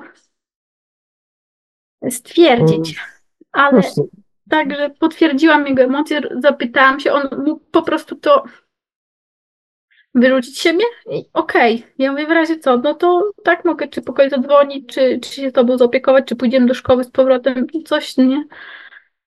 A później miałam sytuację w szkole i też jakieś dziecko, chłopak, aż się po prostu rozpłakał, coś tam, czy właśnie, czy coś nie zdążył mamie powiedzieć, czy coś. I tak, i ja byłam jakoś tak najbliżej i, i mówię znowu, tak, czy ci coś pomóc, coś się stało, płaczesz, czy nie wiem, no po prostu... Yy Y, no takie mam doświadczenia. I ostatnio, i ostatni, przedwczoraj bodajże mój mąż, tak, ma trzy córki, żonę, mi po prostu może na zakrętach z emocjami, nie do końca on rozczytuje, tak, że dziewczyny mają cały wachlarz emocji, a dorosły facet mówi, o kurczę, nie mówię, odejdź na chwilę, poczekaj, one na przykład to, to, to, to, to chcą i nie, i tak jestem, że muszę tłumaczyć, ale od małych po prostu przyjmuję i okej, okay, tak jest, oni to mi dadzą, ale nie zaburza mi to jakby emocji na później, na, na cały dzień, tylko widzę, a kurczę, fajnie, że byłam w tym momencie, mam tą empatię i cieszę się, że mogłam być tam, tak? Okej. Okay. Ale właśnie potrzebowałam, chyba dzisiaj trafiłam do, do Państwa, potrzebowałam takiego pod, potwierdzenia u siebie, że kurczę, no mam tu empatię i to nie jest złe, że kurczę, no przejmę się tym dzieckiem, tak, coś się dzieje. Dobra, dziękuję ślicznie, dziękuję bardzo. Dzie dziękujemy. Sztuka za... to, żebyś tak jakby panowała i wiedziała, wiesz, mhm. tak jakby świadomie wspierała, bo to, bo to głównie mam poczucie o to chodzi. Tak. tak jakby po to się między innymi dzisiaj spotkaliśmy, żeby o, o tym no. wspomnieć, zidentyfikować i też pomóc jakoś e, tym osobom szczególnie, które e, mogą gdzieś tam się w, tych, e, w tej empatii e, zatracać, jak to tak bo, bo chodzi o to, że nie zawsze jest dobry moment, że każdemu pomóc. Chodzi o to, że to może być wyzwaniem dla empaty, że tak samo jak to dokładnie jest ten sam schemat, jak jest dekompresja w samolocie i, jesteśmy z dziećmi, to y, wszędzie jest, jesteśmy uczeni, że najpierw sobie zakładamy maskę z tlenem, a później dziecku, bo dziecku jak założymy, a sami stracimy przytomność, no to to jest gorsza sytuacja niż jak temu dziecku będziemy mogli pomóc, tak? Bo my Mhm. będziemy. No, w skrajnym przypadku nawet może być tak, że źle założenie po prostu, także I chodzi o to, i to chodzi o, trochę o to, że, że, że często wyzwaniem dla empatów jest nauczyć się na przykład odmawiać. Nie wszystkim muszę pomóc. To tak bardziej chodzi o wyciągnięcie pewnej, pewnego schematu i takiego przyjrzenia się temu. No, ja tam się często z tym spotykam, że tak jakby osoby empatyczne mają trudność z odmawianiem i zresztą mam poczucie, że w mediach się pojawiają te nagrania y, empatii, narcyzy, to mam poczucie, że to trochę o to chodzi, że ci, ci empaci to, to, to nie jest tak, że empaci i narcyzi, czy tam psychopaci, tylko chodzi o to, że ci empaci to mają właśnie po prostu do przerobienia, żeby się nauczyć wyłączać to wobec, czy też regulować wobec tych, co nadużywają, albo wobec sytuacji, w których jest moment, żeby zadbać o siebie, a nie rozdawać. No, I to chodzi tylko o takie inspi- zainspirowanie, bo być może wiele osób tak jakby ma to opanowane, tak? Tak jak, nie wiem, z tym zarządzaniem. No. no dobrze. To jest bardzo, bardzo dobre podsumowanie. Dominik, dzięki bardzo. E, I myślę, że możemy w tym momencie postawić kropkę. Wywołaliśmy Marka. Wywołaliśmy Marka. E, Marek, e, jako empata, wyczuł właśnie, co chciałem powiedzieć, że zbliżamy się do końca e, Tak tego jest. spotkania. Dlatego się pojawił na wizji. E, I co? Myślę, że tak, że to było dobre podsumowanie. Na koniec e, może będzie do, do czego wracać e, w tym spotkaniu. Mm. I chcieliśmy dzi- podziękować Wam za e, dzisiejsze uczestnictwo i, ta, i taką aktywność e, w Tak, tym naszym spotkaniu. było super. Było, było super. Dziękujemy za Wasze głosy. Dziękujemy za podzielenie się Waszymi doświadczeniami, Waszymi spostrzeżeniami, Waszymi perspektywami, bo właśnie e, o to chodzi. Z drugiej strony, mm, tutaj mm, wiadomo, że można pootwierać różne tematy i, ciągnąć je i ciągnąć. Mnie też to interesuje, E, te ustawienia, bo tak jakby jakoś nie zgłębiłem, widziałem, ale to właśnie tak jak Paweł mówi, Zachęcam cię, Dominik, zachęcam cię bardzo. tak tylko się dzielę, Natomiast, no, jest potencjał. No. e, że tak powiem, trzymajmy się tematu Tak. i e, skoro dzisiaj mówiliśmy o empatii, e, będzie pewnie jakiś jeszcze możliwość na e, porozmawiania e, szerzej e, o, o, o ustawieniach, także e, spokojnie dzisiaj akurat e, mamy już ponad dwie godziny za sobą, dwie i pół, więc myślę, że czas, żeby to spotkanie skończyć. Tak więc dziękujemy Wam za uwagę. E, Zapraszamy na kolejne spotkanie e, za miesiąc. E, To będzie Piąty. piąty? No piąty. 5 marca, wtorek, godzina 19 pod tym samym adresem. Pod tym, pod tym samym adresem. Mm, Jak zwykle przygotujemy jakiś niespodziewany temat. I tak jeszcze podsu tak podsumuję, ale to nie będzie gadane, tylko tak. Z, z dzisiaj. Y, Wrzuciłem linki do kursu, y, do profesjonalnego empaty. Jeśli ktoś by chciał się rozwijać w tym kierunku, czy też rezonuje z tym, to polecam to. E, Wrzuciłem link do Superpower Film. To jest dziesięcioodcinkowa seria, bardzo ciekawa, fajne wartości. Producentem jest e, babeczka, która skończyła kursy w instytucie. E, I tam się pojawiają też trenerzy z instytutu w tym, więc e, jeśli ktoś chce zgłębiać, też bardzo dobry kierunek. No i tak, i to tak a propos tego, co dziś było udostępnione i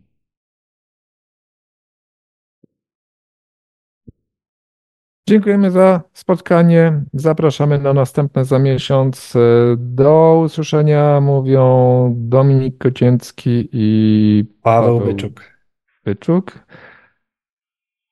No i dziękujemy Radia Paranormalium na, na Zoomie, również. dziękujemy słuchaczom Radia Paranormalium, dziękujemy Markowi. Marek, jeszcze tutaj słowo pożegnania dla słuchaczy. Słowem pożegnania powiem, że w szczytowym momencie było dzisiaj na naszych streamach 100 słuchaczy. Dzięki O. jeszcze raz, że jesteście. Dziękujemy, do usłyszenia, do, usłyszenia. zobaczenia za miesiąc.